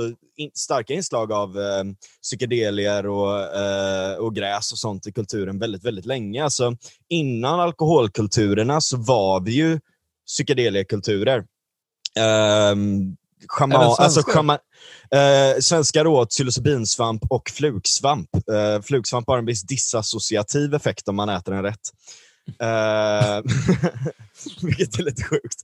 Eh, jag har aldrig testat eh, flugsvamp, det vill säga. Idé. Ehm, men eh, andra dissociativa har jag testat. Eh, vad, betyder, vad betyder det? Alltså rent i... ah, alltså det, det är lite svårt att förklara. Eh, Som med alla avancerade termer. ja, precis. De Ja, finns av Med en den anledning. har, du, har ni fått i er lustgas någon gång? Typ eh, tandläkaren eller något sånt där? Nej, jag är extremt eh, så här, renlevnadsmänniska. Jo, jo, jo, men alltså, jag menar, vissa har ju fått i sig, vissa har ju fått i sig det hos- hos tandläkaren och sånt om du gör någon grej så kan du få det. Eller alltså folk som är eh, alltså, gravida. Alltså, jag- jag är Ja, jag jag- varit jag- gravid jag är inte- heller.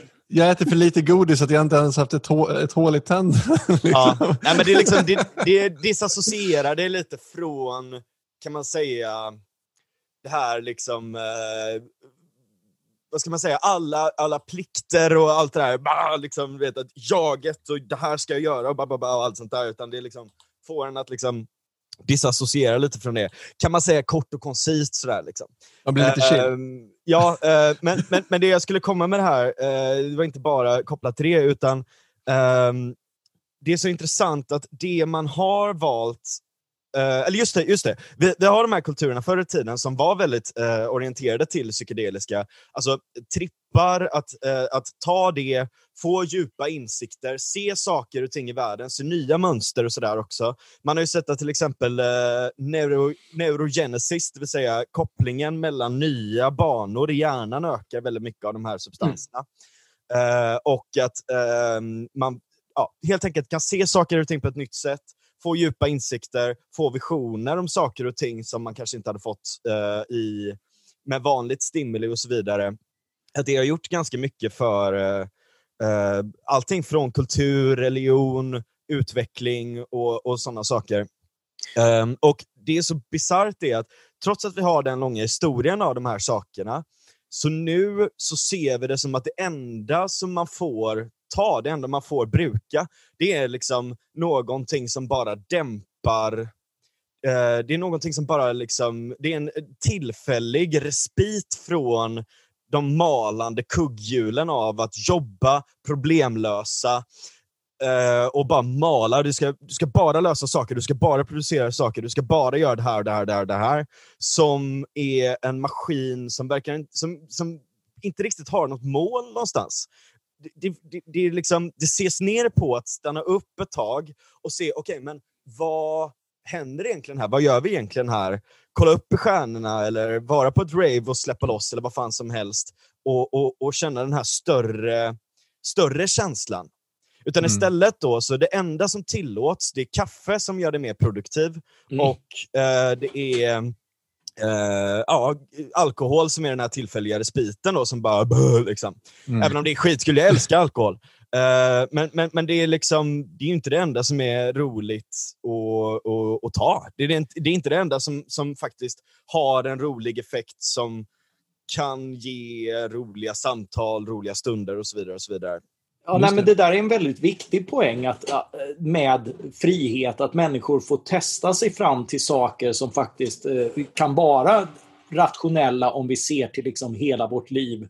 Eh, alltså inte så snävt målrationella utan, utan liksom bara i en, en människas egenintresse under, under ett långt liv i ett, ett modernt samhälle. Och där ingår ju de här aspekterna också. Och de behöver balanseras för, för om en del tas över så, så blir det liksom dåligt i sig. Om, om, om nöjena blir allt så blir det väldigt tomt. Men, Mm. men, eh, Ja, ja, det blir som- bara ren hedonism. Liksom. Ja, Mm. ja och, och, och det är ju liksom, det blir ju inte kul som, som mönster. Det är de här som eh, pratar om folk, folk som liksom på, eh, under pensionen flyttar liksom ner till Spanien och så sitter de där. Det enda de, de har att göra på sina... De har bara lediga dagar och det är lätt att börja dricka vid lunch. Liksom, sådär. Mm. Så det blir liksom ganska torftig tillvaro när man liksom unnar sig varje dag. Det är ju inte det Ja. det är till för. Eh, och, och sen också de här andra drogerna är ju som du säger, alltså där har vi inte tillåtit folk att göra eh, erfarenheter och, och exempel som, eh, som skulle kunna utveckla dem. Och, och där är ju mycket liksom sådär nyttigt, alltså vetenskap eller liksom bryta missbruk eh, har, har ju också eh, lovande experiment gjort. Verkligen. Alltså psilocybinsvamp till exempel, som jag var inne på innan. eh, det, det, där är så här, det är väldigt, väldigt svårt att bli beroende av det. För att Mm. det är Det inte riktigt... Alltså, nej, men det är inte så här, det är ingenting som du bara tar sådär. Det är verkligen en, en, en djup, eh, utvecklande upplevelse. Eh, och det, det har ju gjorts många tester på det här. Det gjordes ett test i USA eh, där, eh, där man testade på folk som var så här, så att säga, lyckade människor, det vill säga gifta, hade bra jobb, eh, var goda samhällsmedborgare och så vidare. Arketypen verkligen. Mm.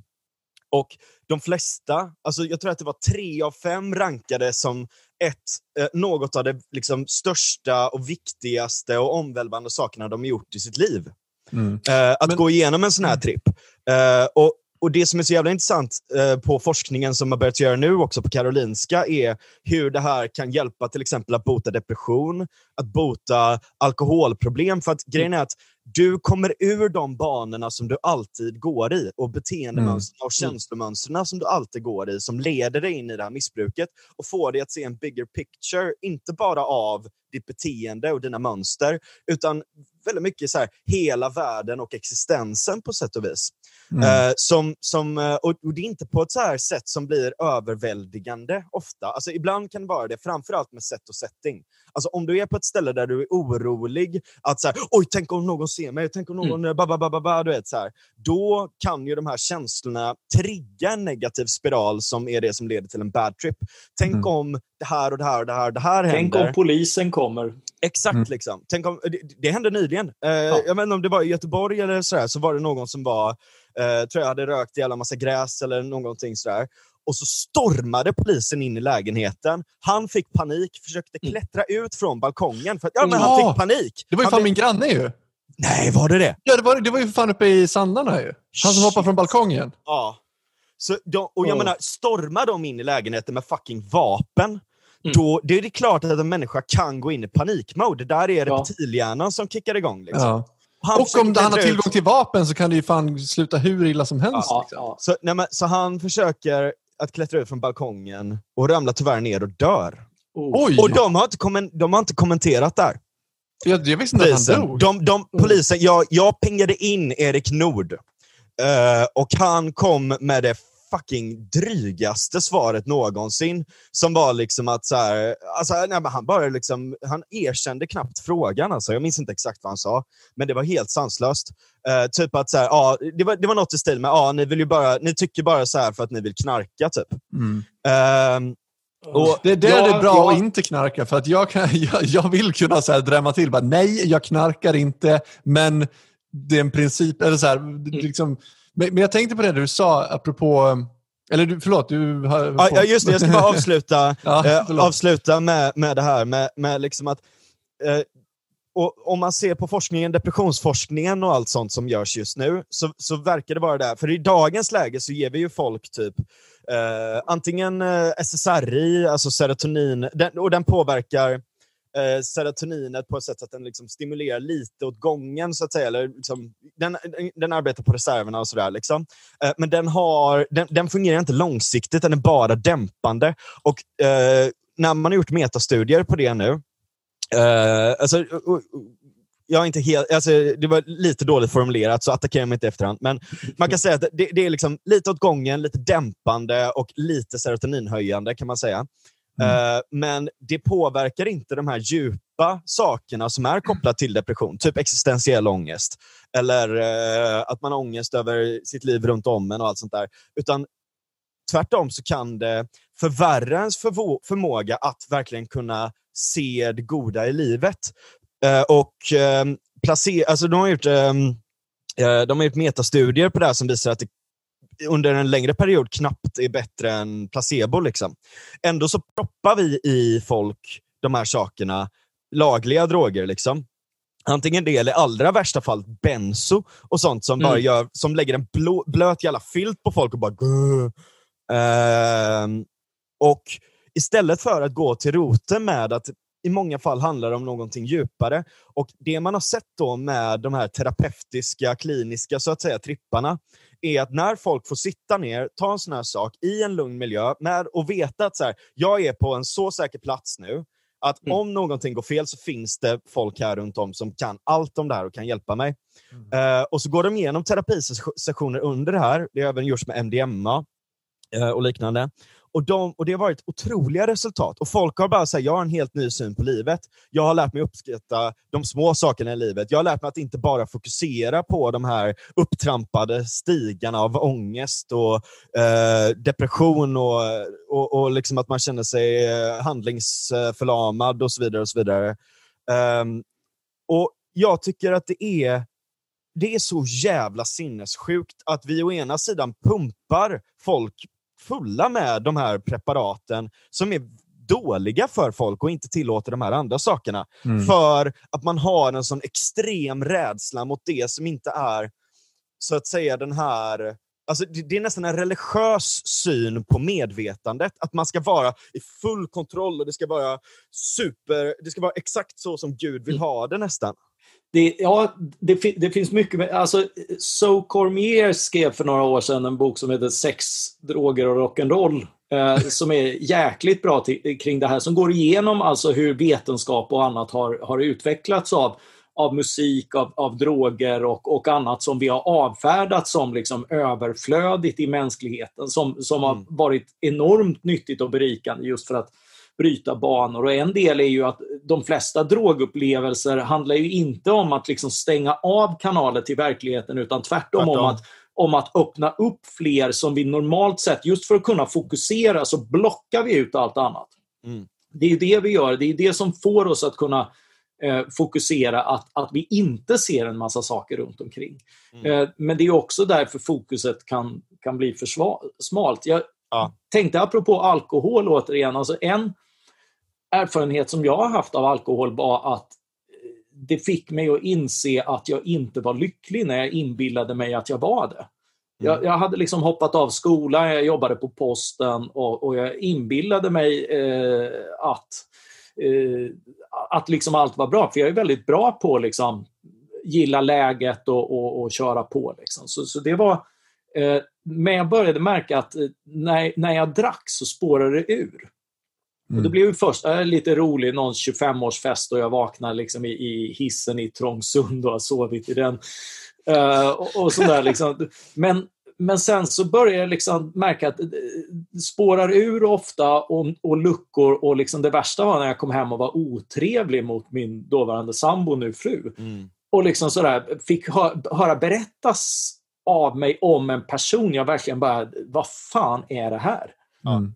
Eh, och, och läxan då var ju liksom att, ja, nej men dels liksom så här, ja, se till att det inte händer igen. Men vad handlar det om? Jo, det handlar inte bara om att inte liksom hälla i sig starksprit som det inte fanns någon morgondag. Exakt. Utan, utan det handlar ju också om att vad, vad, vad handlar det här om överhuvudtaget? Och jag fick inse liksom att nej, jag är inte lycklig med den här vägen. Jag, jag, jag har intalat mig det, men jag måste inse att, att så är det inte. Utan, och, och så började jag liksom ta tag i min havererade uppsats och, och liksom gick något överflödigt år till på universitetet och, och fick börja skriva i Metro och lite annat. Alltså det, det, det satte fart lite grann mot, Mm. mot liksom något jag hellre skulle, eh, skulle göra. Och det, det hade för, jag vet inte hur länge jag hade kunnat utesluta samma signaler om det inte var för att de kom fram när jag drack. Mm. Ja, ja, visst. Ja. Jag tänkte på, um, apropå den här grejen att, att eh, bedöva sig och så. Jag, jag, Alltså jag, jag har förstått eh, liksom, eh, hela den här restriktiva vågen som, som växte sig stark under 1800-talet och framförallt kanske i början av 1900-talet. Jag vet inte exakt hur. Men det var väl då den var som störst. Då. Men, men just att det går hand i hand väldigt mycket med det här eh, liksom, oskarianska liksom, tiden var väldigt mycket att man skulle eh, kontrollera sina, liksom, eh, djuret inom sig och vi skulle vara liksom, rationella och, och civiliserade. Det var ju väldigt eh, mycket eh, den grejen. Och samma med liksom, det viktorianska om man ska titta på, på internationellt. För det växte ju även upp eh, nykterhetsrörelser i, i andra länder. USA ska vi, kan man ju titta på där också, liksom, mm. Hur, mm. Hur, hur, det gick. när För de fick ju faktiskt igenom ett förbud där. Liksom. Mm. Eh, men just det här Och vad man, hände då? Men det är just, just det här att, ja exakt, precis. Ja. Det, Samma sak som i Norge och Finland som också förbjöds. Det var, det var nära och vi har ju liksom ett släktskap där med, via, via liksom den stora utvandringen och, och de rörelser som sen tog sig mm. hit vid väckelse och annat. Just det, precis.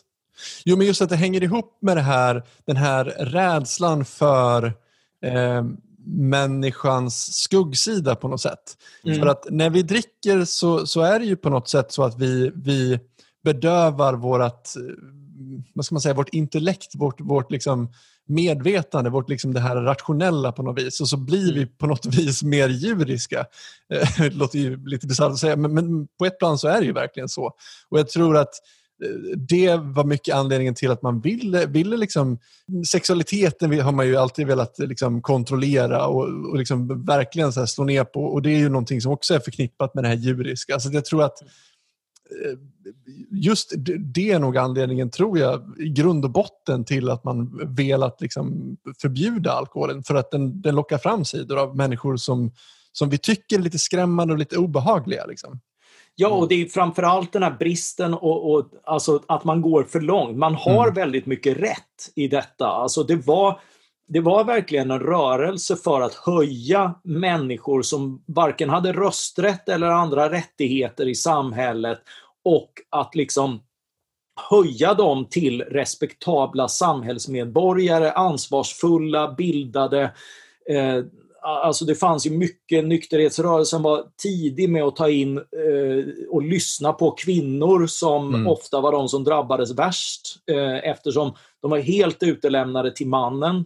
Som om, om han drack och, och, och gjorde av med stålarna eh, så blev han både oredig och misshandlade henne och barnen eh, och, och svek liksom, eh, försörjningen och annat. Mm. Eh, de de blev lyssnade på och, och kunde, kunde liksom sökas medlemskap. Det var en, en man, en röst långt innan demokratins genombrott och sånt där. Eh, väldigt mycket, liksom, väldigt höga ambitioner för mänskligheten men som så ofta i de här sammanhangen så höga att väldigt få i slutändan levde upp till dem och, och ramar som blev alldeles för snäva. Mm. Eh, det var ju någon Ronny Ambjörnsson har ju hittat någon nykterhetsförening där uppe i Norrland som ett år uteslöt eh, 40 av knappt 60 medlemmar ett år. För de kunde liksom inte leva upp till de här idealen själva. Och Det var ja. allt liksom självkontrollsideal. Någon ja. utesluts för att han svor offentligt. Liksom. För, alltså det, det, man, man, känner ju igen det här idag på något vis. Alltså, ja, verkligen. Ja, ja och, och, och det, här är ju, det här är ju en kamp vi har inom oss själva Exakt. hela tiden. Ja. Och, och, där det liksom det är därför jag är en så här aristotelisk dygdeetiker, att se alla de här sidorna. Ah, han ja. ser ju allt i moderation och jag brukar lägga till att det gäller även excesser. Mm. Alltså, vi, vi, behöver verkligen det här som en komponent i ett rikt och, och varierat liv.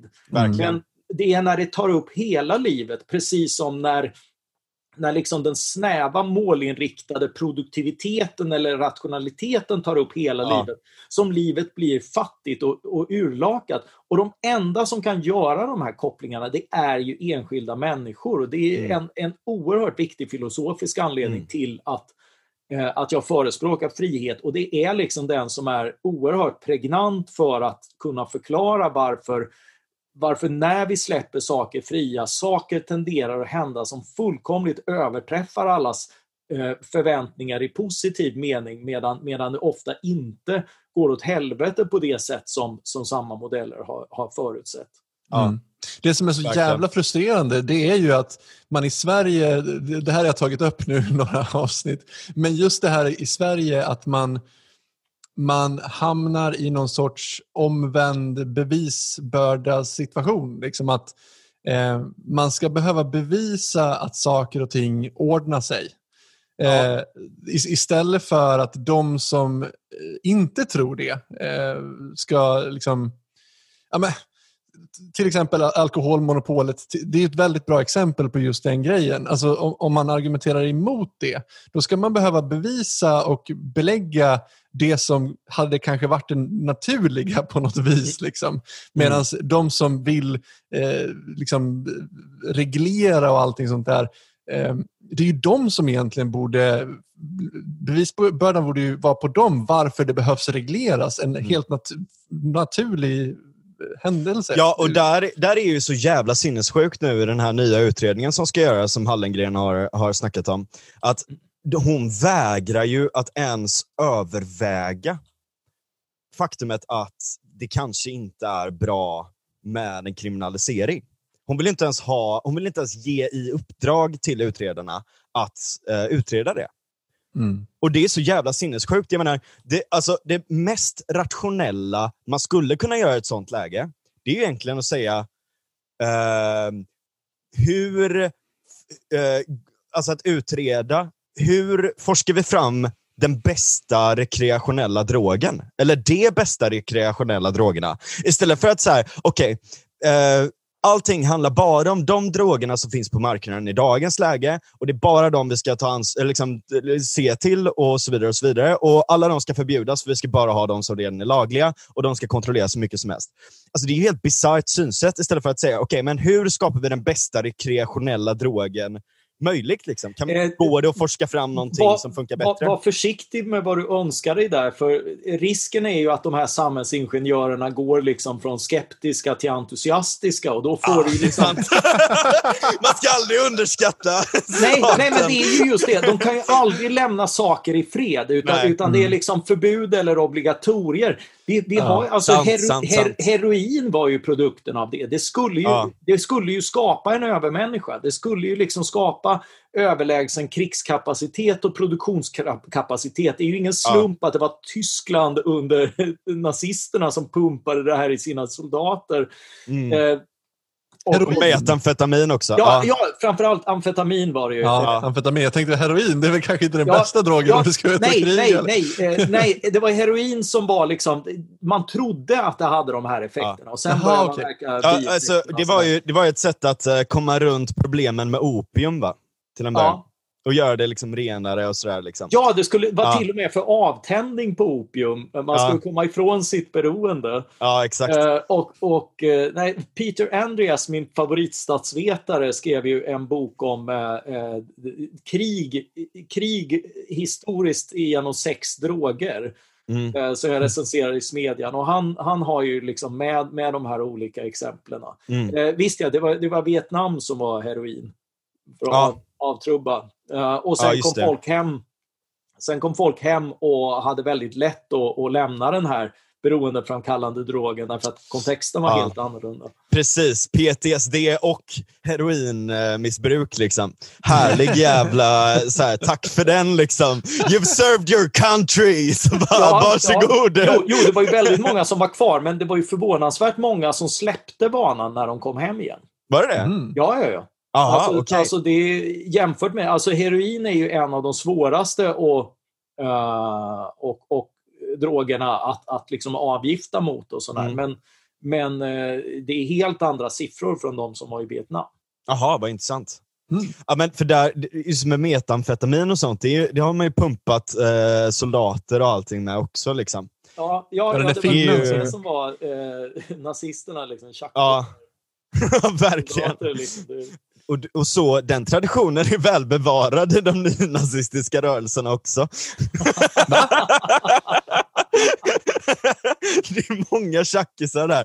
Är det sant? Jag trodde de var så här eh, renlevnadsmänniskor. Jag har fått Jo, men det var ju Hitler också, men han Ja. tryckte i sig allt som fanns. Ja, exakt. Det är Alkohol och cigg. Liksom. Det, Men det var Ja. väl en annan tid då. Det var ju hemmafru-grejen också, att trycka i sig amfetamin och dammsuga hela jävla kvarterets eh, lägenheter. Liksom. Ja, just det. Ja. Eh, Men det var ju innan man kanske visste... Att det är ro- mycket roligare att ravea på det. Ja, men det är återigen liksom, att ta det från, från liksom vardagsslit till rekreation. Mm. Ja, ja verkligen. Alltså, och, men jag menar, i dagens läge, om man, alltså vi har, alltså när man säger ordet tjack eller när man pratar om amfetamin i, i allmänhet så kommer ju arketypen av den här slitna, där käken är så här. Liksom. Iggy Pop liksom. Ja, precis. Liksom. Eller Chet Baker också för den delen. Ja, eller, ja, visst. Verkligen. det var ett jävligt nördigt exempel. Det finns väldigt många mer som är mer profilerade. Men, eh, eh, nej men och alltså, det kommer ju upp de här arketyperna, men vi pumpar ju till och med barn med tjack för att Mm. de har ADHD. Och istället för att typ så här, okej, men hur jobbar vi kanske kognitivt runt det här? Hur kan vi eh, eh, jobba med olika modeller för lärande eller träna upp förmågan att kunna hantera det, det där och liksom Vi kanske inte ska så ha här, en jävla Här skola. får du, här får du tjack istället. Liksom. Men det är ju det här som är det läskiga med det här. För att så här, vi, alltså, att skolan ser ut som den gör nu och har gjort det så in i helvete länge och liksom inte utvecklas särskilt mycket överhuvudtaget. Vi är inte ens, vi är inte ens säkra på att det här är det bästa sättet att lära ut saker till våra barn och ge dem en utbildning. För det är ju det, är ju, det, är ju det det handlar om i grund och botten. Att, att man ska bilda och utbilda liksom, människor till att bli liksom, fungerande människor i ett samhälle. Det är det här som blir så jävla läskigt när du har någonting som det mer eller mindre är monopol på och eh, det, det, liksom, det finns inga incitament att förändra någonting, att göra någonting bättre egentligen. Sen är det klart att det kan ju hända också såklart. Jag säger inte att allting är skrivet i sten så, men det finns inga naturliga incitament att, att tänka om, att komma med innovationer, att liksom prova nya grejer överhuvudtaget. Utan Nej, och, och då blir det liksom det här att så här, och, och då, helt plötsligt så, så blir det liksom snävare och snävare liksom vilka ungar som passar in i normen. Och så, så börjar man liksom medicinera ungarna som inte passar in i den här snäva normen istället för att för, liksom fundera över, jaha, är det här det kanske inte är det bästa sättet för att få med sig alla ungar uppenbarligen. Vi kanske ska tänka om när det kommer till hur vi utbildar och bildar våra barn. Ja, alltså, alltså framförallt så saknar man ju den här experimentella processen därför att man är rädd för den. Liksom. Det, nej, Mm. vi ska inte experimentera på barn. Liksom. Vi, vi, vi, det är bättre att vi misslyckas på traditionella sätt som vi alltid har gjort. Liksom, sådär. Det, eh, nej, men det är ju så. Liksom. Alltså, det finns en, en osäkerhet som gör att, att man liksom vä- värjer sig mot det enda, eh, den enda process om man är ödmjuk, vi vet liksom har skapat framsteg. Att, att liksom testa sig fram och, och se, se vad som kan, eh, kan funka. Eh, för att istället liksom det är ju inte det att man saknar förändring utan det är tvära kast hela tiden. För varje liksom ny... Dels så har vi liksom, eh, jag, jag är snart där så jag ligger i riskzonen. Liksom. Det, det kommer liksom en tid i, i, i en mans medelålder när han plötsligt, liksom, när barnen för länge sedan har lämnat skolan, blir expert på skolfrågor. Och och, och då, då är ju alla liksom fullkomligt bestämda med så här ska det vara.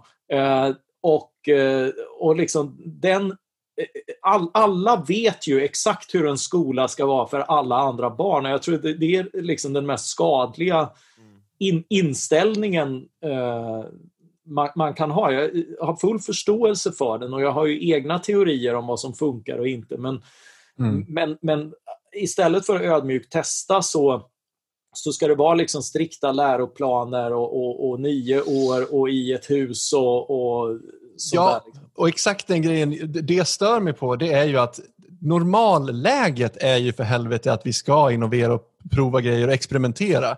För det är ju Mm. det man får höra ofta, att så här, nu måste vi lägga ner det här skolexperimenterandet för att vi experimenterar med människors framtid och bla bla bla.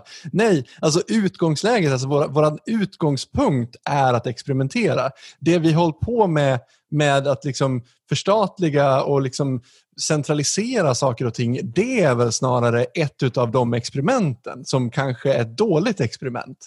Ja, alltså. ja och sen, jag är ju jävligt besviken på att, att liksom friskolorna inte levererade mer. För jag trodde ju verkligen att det skulle bli en, en alltså den här att, att man skulle få något liknande den här dynamiska utvecklingen. Någon visade liksom sätt att vara mycket bättre och andra imiterade och så, och så fick vi liksom eh, ja, men precis med bilmodeller och annat, att det faktiskt sker en utveckling eller telefoner eller, eller något sånt där, eh, som, som liksom kan imiteras och överträffas och så tar det nya hopp och sådär. Mm.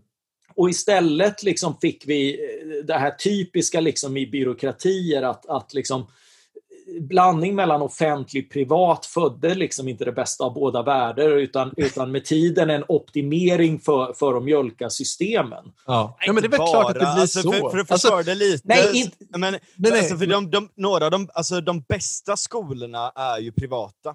Ja, ja. Att, ja, ja absolut. Menar, och där är det så här, det är ju större spännvidd mellan skolorna. Och sen kan man se att det finns ju det här med att okej, okay, men de så att säga väljer sina elever eller de har höga ingångskrav eller de tar inte emot eh, lika många de kanske inte har anpassat för en viss sorts utbildning och så vidare. och så vidare. Uh, och det, Absolut, men det måste ju finnas skolor som verkligen satsar på att också vara bäst. Och, ja. uh, för, ja. alltså, alltså toppskolor, det är klart mm. det måste finnas det, för att mm. vissa elever är bättre. Och Det kan vara allting från uh, genetik, Alltså eh, intelligens är ärftligt i ganska hög andel, men å andra sidan så påverkas det väldigt mycket av eh, miljö och sådär också såklart. Ja. Vilket kommer till att många akademiska föräldrar som kanske har en bättre eh, studietradition, eller inte bara akademiska, men intellektuella föräldrar som jobbar mycket med det i hemmet och sådär. Alltså, och, och allt sånt. Och det kommer ju leda till att vissa personer kommer att vara väldigt, väldigt, väldigt mycket bättre.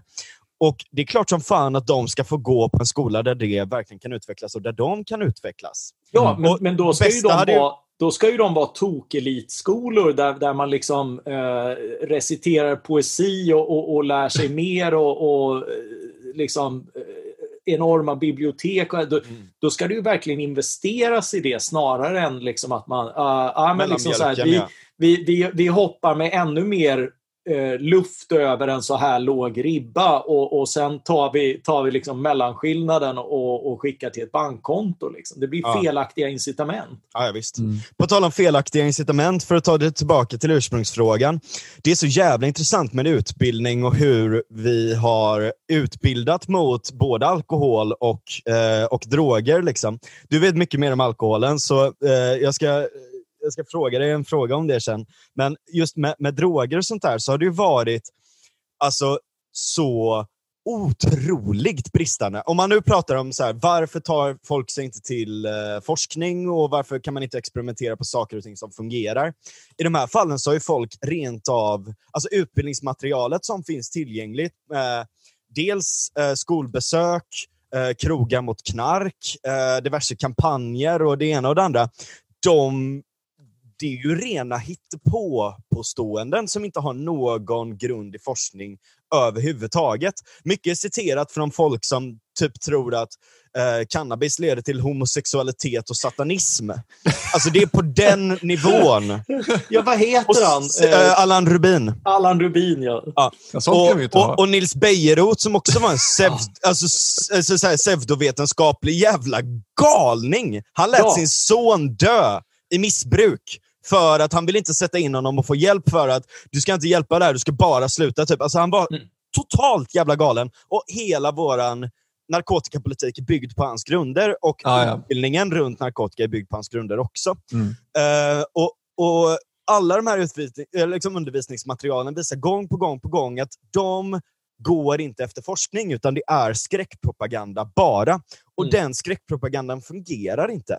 Framförallt, alltså, inte minst när du, när du tar in eh, scientologer såklart, liksom, som, som är helt galna. Men, men, men, i allmänhet fungerar det inte heller. Liksom. Jo, ja, men det, var, det var lite grann liknande. Alltså det, det skapades ju en enorm nationalromantik kring de här nykterhetskämparna som, som liksom den tidiga nykterhetsrörelsen lite grann claimade, som Peter Wieselgren och andra, som egentligen hans, hans rörelse var ju mest måttlighetsförespråkare som, som var rätt sunda. Sådär, liksom. Nej, men, Eudaimonia. Ja, ja men precis. Att, att liksom inte, eh, inte, ha, inte pliktsupa bara för att se den kräver. Utan, Mm. utan liksom eh, faktiskt, eh, ja men det kanske räcker med tre supar på ett bröllop. Liksom. Mm. Det, det kanske är sundare om, om man går över till öl istället för bara starksprit och sådär. Eh, men, men det, så det, det arvet förvanskade man ju också liksom sådär, och, och kanoniserade honom i den här nationalromantiska tiden. och sådär. Så eh, Fram till 1955 så undervisades eh, elever i nykterhet i den gamla folkskolan. Och det var liksom så här, alltså alkoholen var så stor att det var, det var biologi. Ja. Alltså, sen togs det upp inom ämnet biologi från 1955, men innan dess så undervisades man i nykterhet. Och det var ju liksom sådana här amerikanska, liksom, eh, vad heter det, Eh, man ska avstå. Jag vill säga abstinens, men det är ju abstinens. Ja. Jag vet inte. Ja, abstention, eh, ja, någonting sådär är det i alla fall. Det är ju jätteroligt att de liksom än idag undervisar om att ha verkligen inte sex. Eh, så här, tänk inte på liksom yppiga former och, och, och eh, tvättbrädor. Och, och, och på samma sätt var det ju liksom sån här nykterhet. Och sen har det liksom blivit en, en del i annat med ständiga propaganda och sån där. Liksom. Eh, ni, ni ska verkligen inte och sån där. Och det värsta är ju liksom den här det har ju liksom medvetet underhållits en massa offentliga lögner kring detta för att det har tjänat syftet att, att inte dricka. Man, man låtsas liksom, man, man, anledningen till att vi har 20 år eh, som åldersgräns på systemet är ju att eh, man, man räknar med att folk ska langa. Så, så det är liksom taget, eh, in, inkorporerat i precis. Så man ska absolut inte ha dåligt samvete för att langa till ungdomar under 20. därför att, därför att, nej men I lagstiftnings, i förarbeten och allting så har man tagit höjd för det. Ja. Eh, Mm. det, det är liksom eh, medräknat därför att man vet att alkoholdebuten sker betydligt tidigare och så vill man Mm. inte låtsas om det. Eh, därför att man inbillar sig att om, om vi myndighetsförklarade också unga människor med liksom att dricka, man har ju andra åldersgränser för allting. Man, bara för att myndighetsåldern är 18, eh, moppe från 15 och allt möjligt. Liksom sån här. Ja. Mm. Du får Ja. rösta liksom. Men inte, Ja, Ja. ja, ja, det är så bisarrt alltså. Ja. ja. Ja, men i, I USA så är den här, du får skeppas ut i krig när du är 18, men du Ja. får inte dricka förrän du är 21. 21. Ja, det är helt absurt. Och, och, och det är ju just den här alltså, eh, ändamålet helga medlen. För alla vet att man kommer att bryta mot det här och alltså lagstiftar man för att, att, att det kommer att brytas mot. Och på samma Ja. sätt säger man saker i undervisningen som man inte vet är, är sann och sådär. Och det är där också det kommer in att man har liksom greppat tag i alla de här sexistiska myterna som ju liksom har ökat på 90 och 2000-talet. Att, att man liksom skambelägger eh, unga tjejer som dricker eh, och, och har sex. Eh, och liksom eh, manar liksom din dotter är fortfarande oskuld-kampanjer av kommuner och Ja! annat. När man liksom bara spelar på hederskultur och annat. Oj, alltså, det är ja. så otroligt sunkigt. När är detta? ja, det här var väl... 2000-tal, alltså Nej, seriöst? 00-tal, inte 10-tal. Ja. Åh Det är verkligen så här... Ja, Ja. kommuner Vadå, i vilken samverkan. kommun? Ja, det var ett antal kommuner i samverkan. Ja, det är Oh, vackert shit. alltså. Kommuner i sam- det finns en grupp som heter eh, Rappare samverkan. Det låter nästan som någonting som de skulle sjunga typ. Ja. Det är de här Mr Cool alla de, du vet såhär. Din dotter är fortfarande oskuld, hon ska inte dricka för då kommer hon träffa mig. Typ. Eller du vet, såhär, de hade kunnat Ja, sjunga något ja. sånt nästan, men det är alltså kommunmaterial där. Ja, men, Ja. nej, men det här ska säkert eh, s- skrä, skrämma någon Herregud, från alltså. att dricka och då, då tjänar ändamålet medlen. Liksom. Shit. Ja. Så, så nej, alltså, alltså stater ska inte syssla med, med Ja. alkohol eller droger i några former för de kan inte hantera det.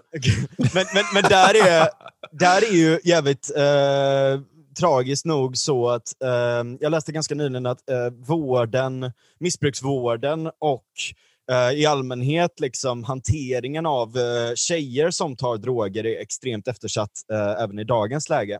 För Ja. att man, man riktar sig framförallt in på eh, unga killar. För att de har mer så här, farliga, destruktiva, potentiellt eh, eh, grejer som, som kan hända med det. Då. Och därför så satsar man inte lika mycket på att hjälpa kvinnor som fastnar i missbruk.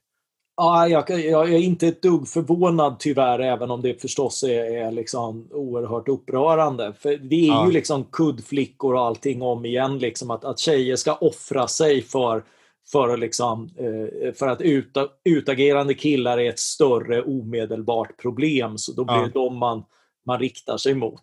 Ja. Men, men, det finns ju ett antal, och det är ju ofta sådana här, det finns en god kritik mot eh, genusvetenskap och sådär och intersektionella perspektiv. Eh, men jävlar vilken nytta det har gjort kring, eh, kring alkoholen och sådär, där liksom folkhälsoperspektiv har varit fullkomligt dominerande och där många av de fritänkande forskarna har, har haft just de här feministiska glasögonen på sig och, och, och därmed, som glasögon är till för, hjälpa en att se saker som man annars inte mm.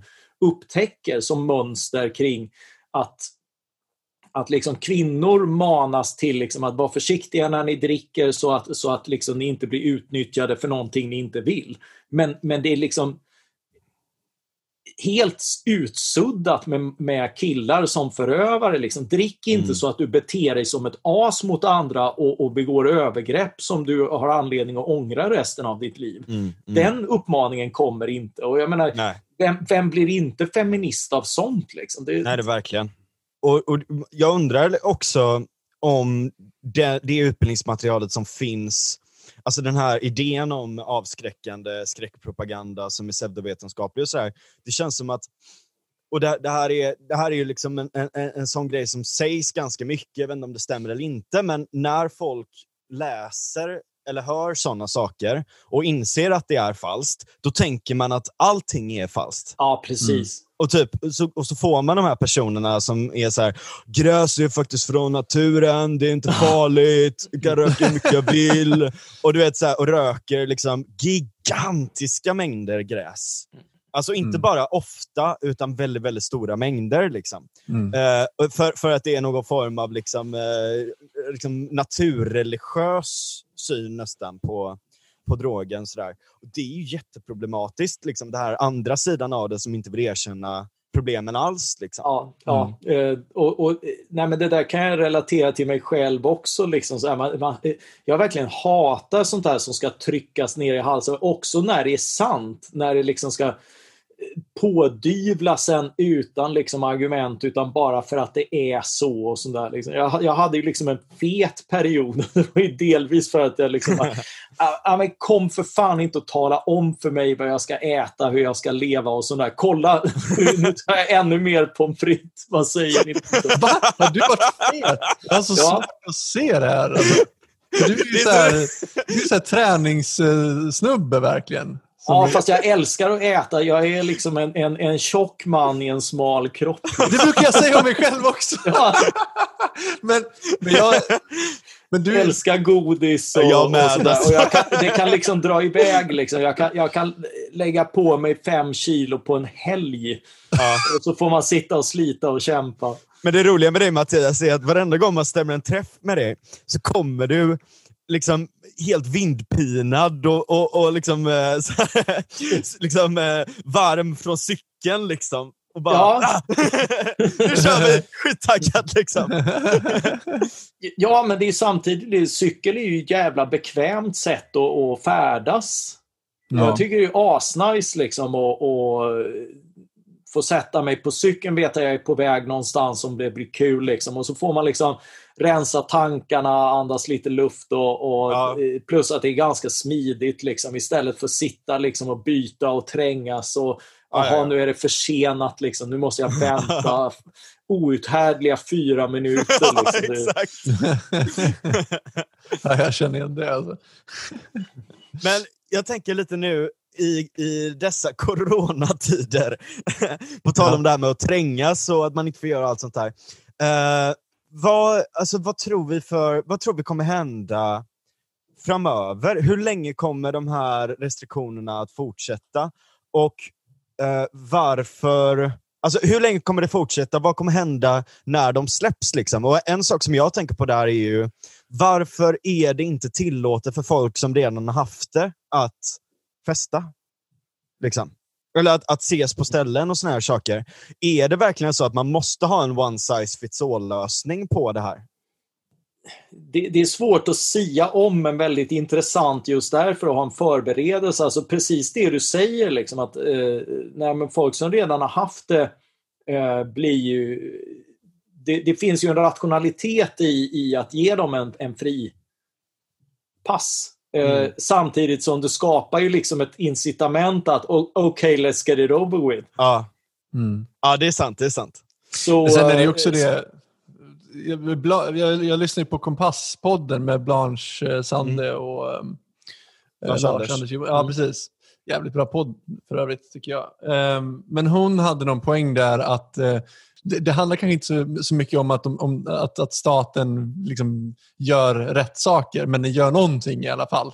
Så att det här är ju liksom inte rationellt nödvändigtvis, alla de här konstiga jävla regleringarna, utan det är ju mest nej, att visa att vi gör i alla fall någonting. Typ. Ja, men det, det är verkligen så. Liksom. Vi, vi, vi ser de här mekanismerna som... Och, alltså det, Sverige är ju inte... Jag har tittat på engelsk debatt till exempel. Där, där aha, akademiker som håller på att komma i byxorna liksom av, av eh, för liksom, det här är det närmaste världskrig de har kommit. Liksom. Och de har ju liksom den här och nu är det vår tur att kliva upp och liksom fatta besluten och sådär. Liksom. Och det är ju, mm. för, för de akademikerna där återigen så har det öppnat sig ett smörgåsbord av makt. Liksom. Åh, nu alla möjligheter. Liksom. Nu får staten bränna pengar på allting. Liksom. Ja budget, smudget liksom. Det, det, var bara tråkigt ändå. Liksom. Ja. Nu kan vi släppa alla hämningar och sådär och tänka fritt. Liksom. De är ju precis som de här snedtrippade fast, fast på makt. Liksom. Ja, den tråkiga statens och, återkomst. ja, ja och, och, så, och, så, är det liksom...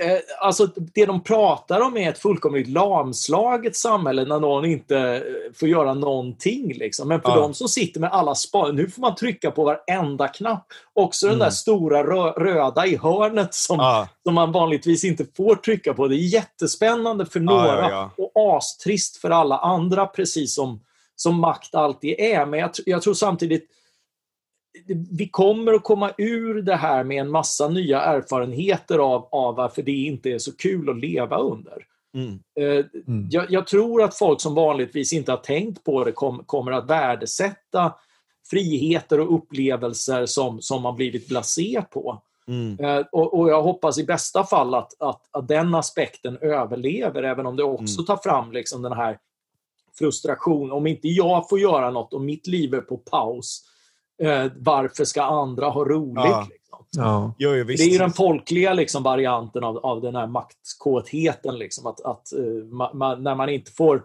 får bejaka sig själv så börjar man bevaka andra. Liksom. Ja, just det. Mm. mm. Ja, det är väldigt sant.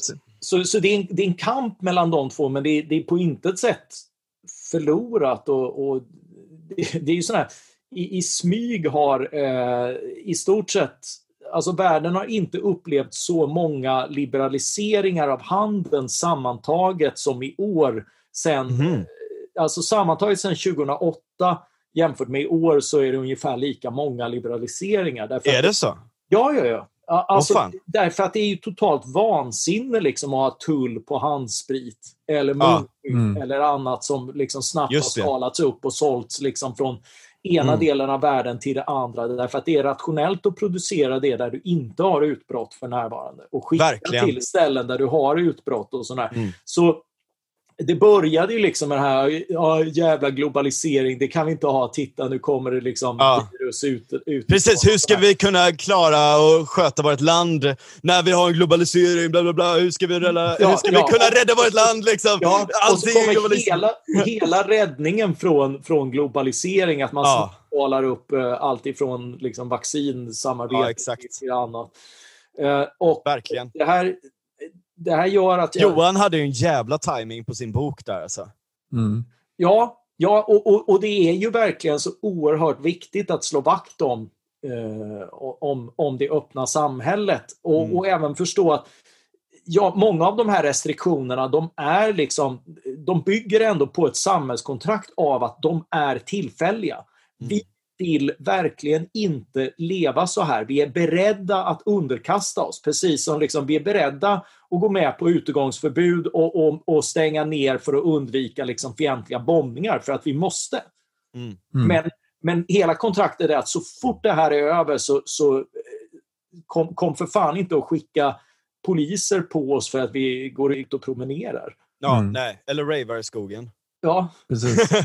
Men för det som jag störde mig mest på under hela den här grejen är att man, eh, som jag har förstått det så hade man inte lagrum att kunna förbjuda så att säga, annan verksamhet och allt sånt där. Utan det enda man hade att jobba med var alkohollagstiftningen och eh, ordningslagstiftningen, vilket, var, vilket gjorde att eh, man kunde ha konsumtionen, alltså den här överkonsumtionen vi har, den kunde fortsätta hur som helst och folk kunde gå och köpa skit de inte behövde.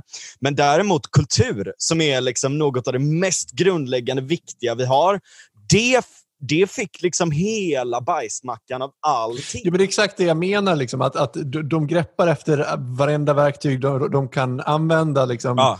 Eh, bara för att göra någonting. Liksom. Och då Men- får men det sådana också- konstiga konsekvenser. Ja. Liksom. Ja, och, men det får ju också den här liksom, eh, för, för då hör folk det där eh, resonemanget och bara, ja, ah, men det är rätt, stäng köpcentren också liksom sådär. Ja, just det. Precis. Det ska alltid gå åt det hållet. Ja, eh, Nej, men det är väl bättre, alltså, om man ska stänga på något sätt, då kan man Mm. inte bara peka på några enskilda grupper och säga att så här, ja, segt för er typ. Jag, alltså, jag, jag, är, jag är jävligt biased för Mm. att liksom, jag har, alltså, många i min familj är musiker, ja, många ja. vänner är musiker och allt sånt där. Och, och det, det har varit eh, skitjobbigt Ja. för många. Alltså Mm. inte minst så här, okej, men eh, min, min pappa som är musiker till exempel, han skulle spela fyra gånger på Ullevi.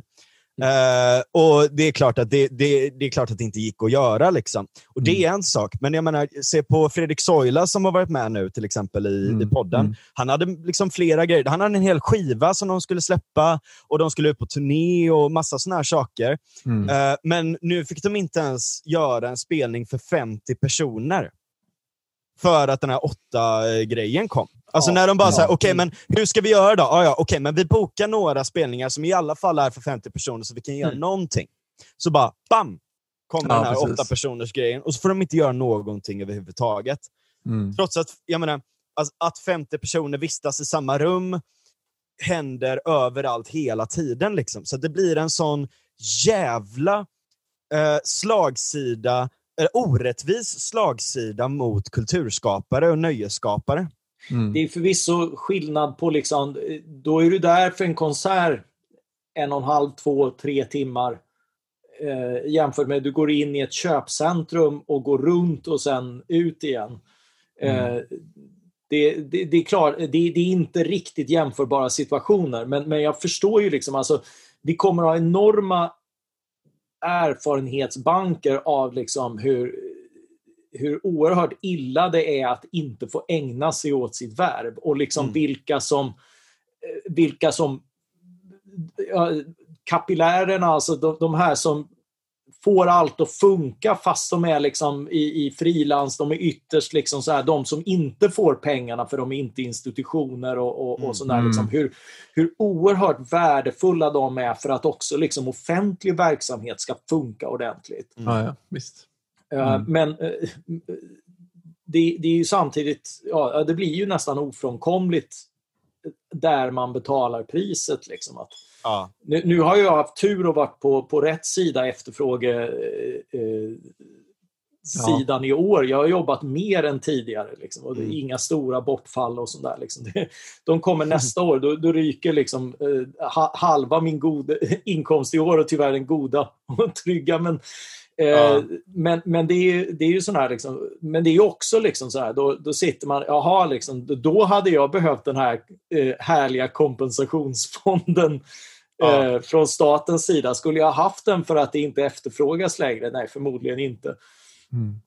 Ja, men, eh, eh, ja, det, finns, det finns jättemånga frågor, men, men det behöver inte landa i att, eh, att, att liksom man, man värderar friheten mindre. Eh, utan, utan det är ju liksom en, den idékampen pågår och den kommer liksom bli avgörande där också. Ja. Mm. Hörrni, Mattias, nu... du, du har en uh, match som du ska se nu va? Ja, precis. Ja, jag tänkte ja. också på det. Vi har spelat in i snart tre timmar. Har vi det? Ja. Shit vad sjukt. Jag, Ja, jag tyckte det här var Tiden går super... fort när man har roligt. Ja, Ja. precis. Så kul får det faktiskt vara. Ja, jag, har glömt bort att vi, jag har glömt bort att vi spelar in en podd. Har- Det har varit här nice Zoom-häng. Liksom. Ja, det är verkligen gött att kunna, kunna hänga och, och snacka och dessutom känna att man gör ett arbete eftersom vi delar det med andra. Exakt. Verkligen alltså. Mm. Men eh, när allt det här är över, eller när vi får, eh, så att säga, i alla fall när, när de värsta restriktionerna släpper, då bjuder, vi, eh, då bjuder vi dig till Göteborg och så gör vi någonting jävla kul. Så får du den releasefesten du aldrig fick. Precis. Ja, ja, men det, då kör vi en efterfest istället. Det ser jag verkligen fram emot. Och tills dess så vill man ju bara uppmana folk att köpa och läsa den här boken, verkligen. Och så kan de ta med sig den på, på releasen så, och få den signerad sen. Ja, jag ser fram emot skrivkrampen. Ja, det är bra. det vore, det vore, jag, jag, jag tror verkligen att det här är en bok som, som har en bred publik där ute som den skulle kunna hitta till. Men Ja. eh, eh, det är också en farhåga med coronan. Liksom att, ja, man kan inte, jag kan inte åka runt och Björn Hellberga mig som jag brukar liksom sälja böcker. Liksom sådär. Och, och, tio där, tre där och två på Rotary i Södertälje. Liksom. Ja. Men eh, eh, nu, nu hoppas jag att folk hittar till den digitalt istället. Ja, jag ska köpa den också Mattias. Kan, kan jag köpa den från dig eller? Det är tyvärr dyrare för jag måste ju liksom köpa emballage och sånt Ja, där. just det. Och det blir Eh, jävligt jobbigt för dig också. Ja, jo, det, det, är ett kärt, det är ett kärt besvär liksom. Men, Ja. men eh, för en, en student ska kanske snarare... Du du skulle egentligen ha köpt den igår från Timbro till 30 rabatt. Ah, nej! Ja, fan också. Ah, men det, det, Du kan ju ja, testa om koden fortfarande funkar. ja, det, det är sant. Vi löser det på något sätt så får du eh, signera den nästa gång vi ses. Det ska jag absolut göra. Tack så hemskt mycket Ja, för tack. att du eh, Ja, kom tack och gästade oss. Skål! Skål! Ja. Lever friheten!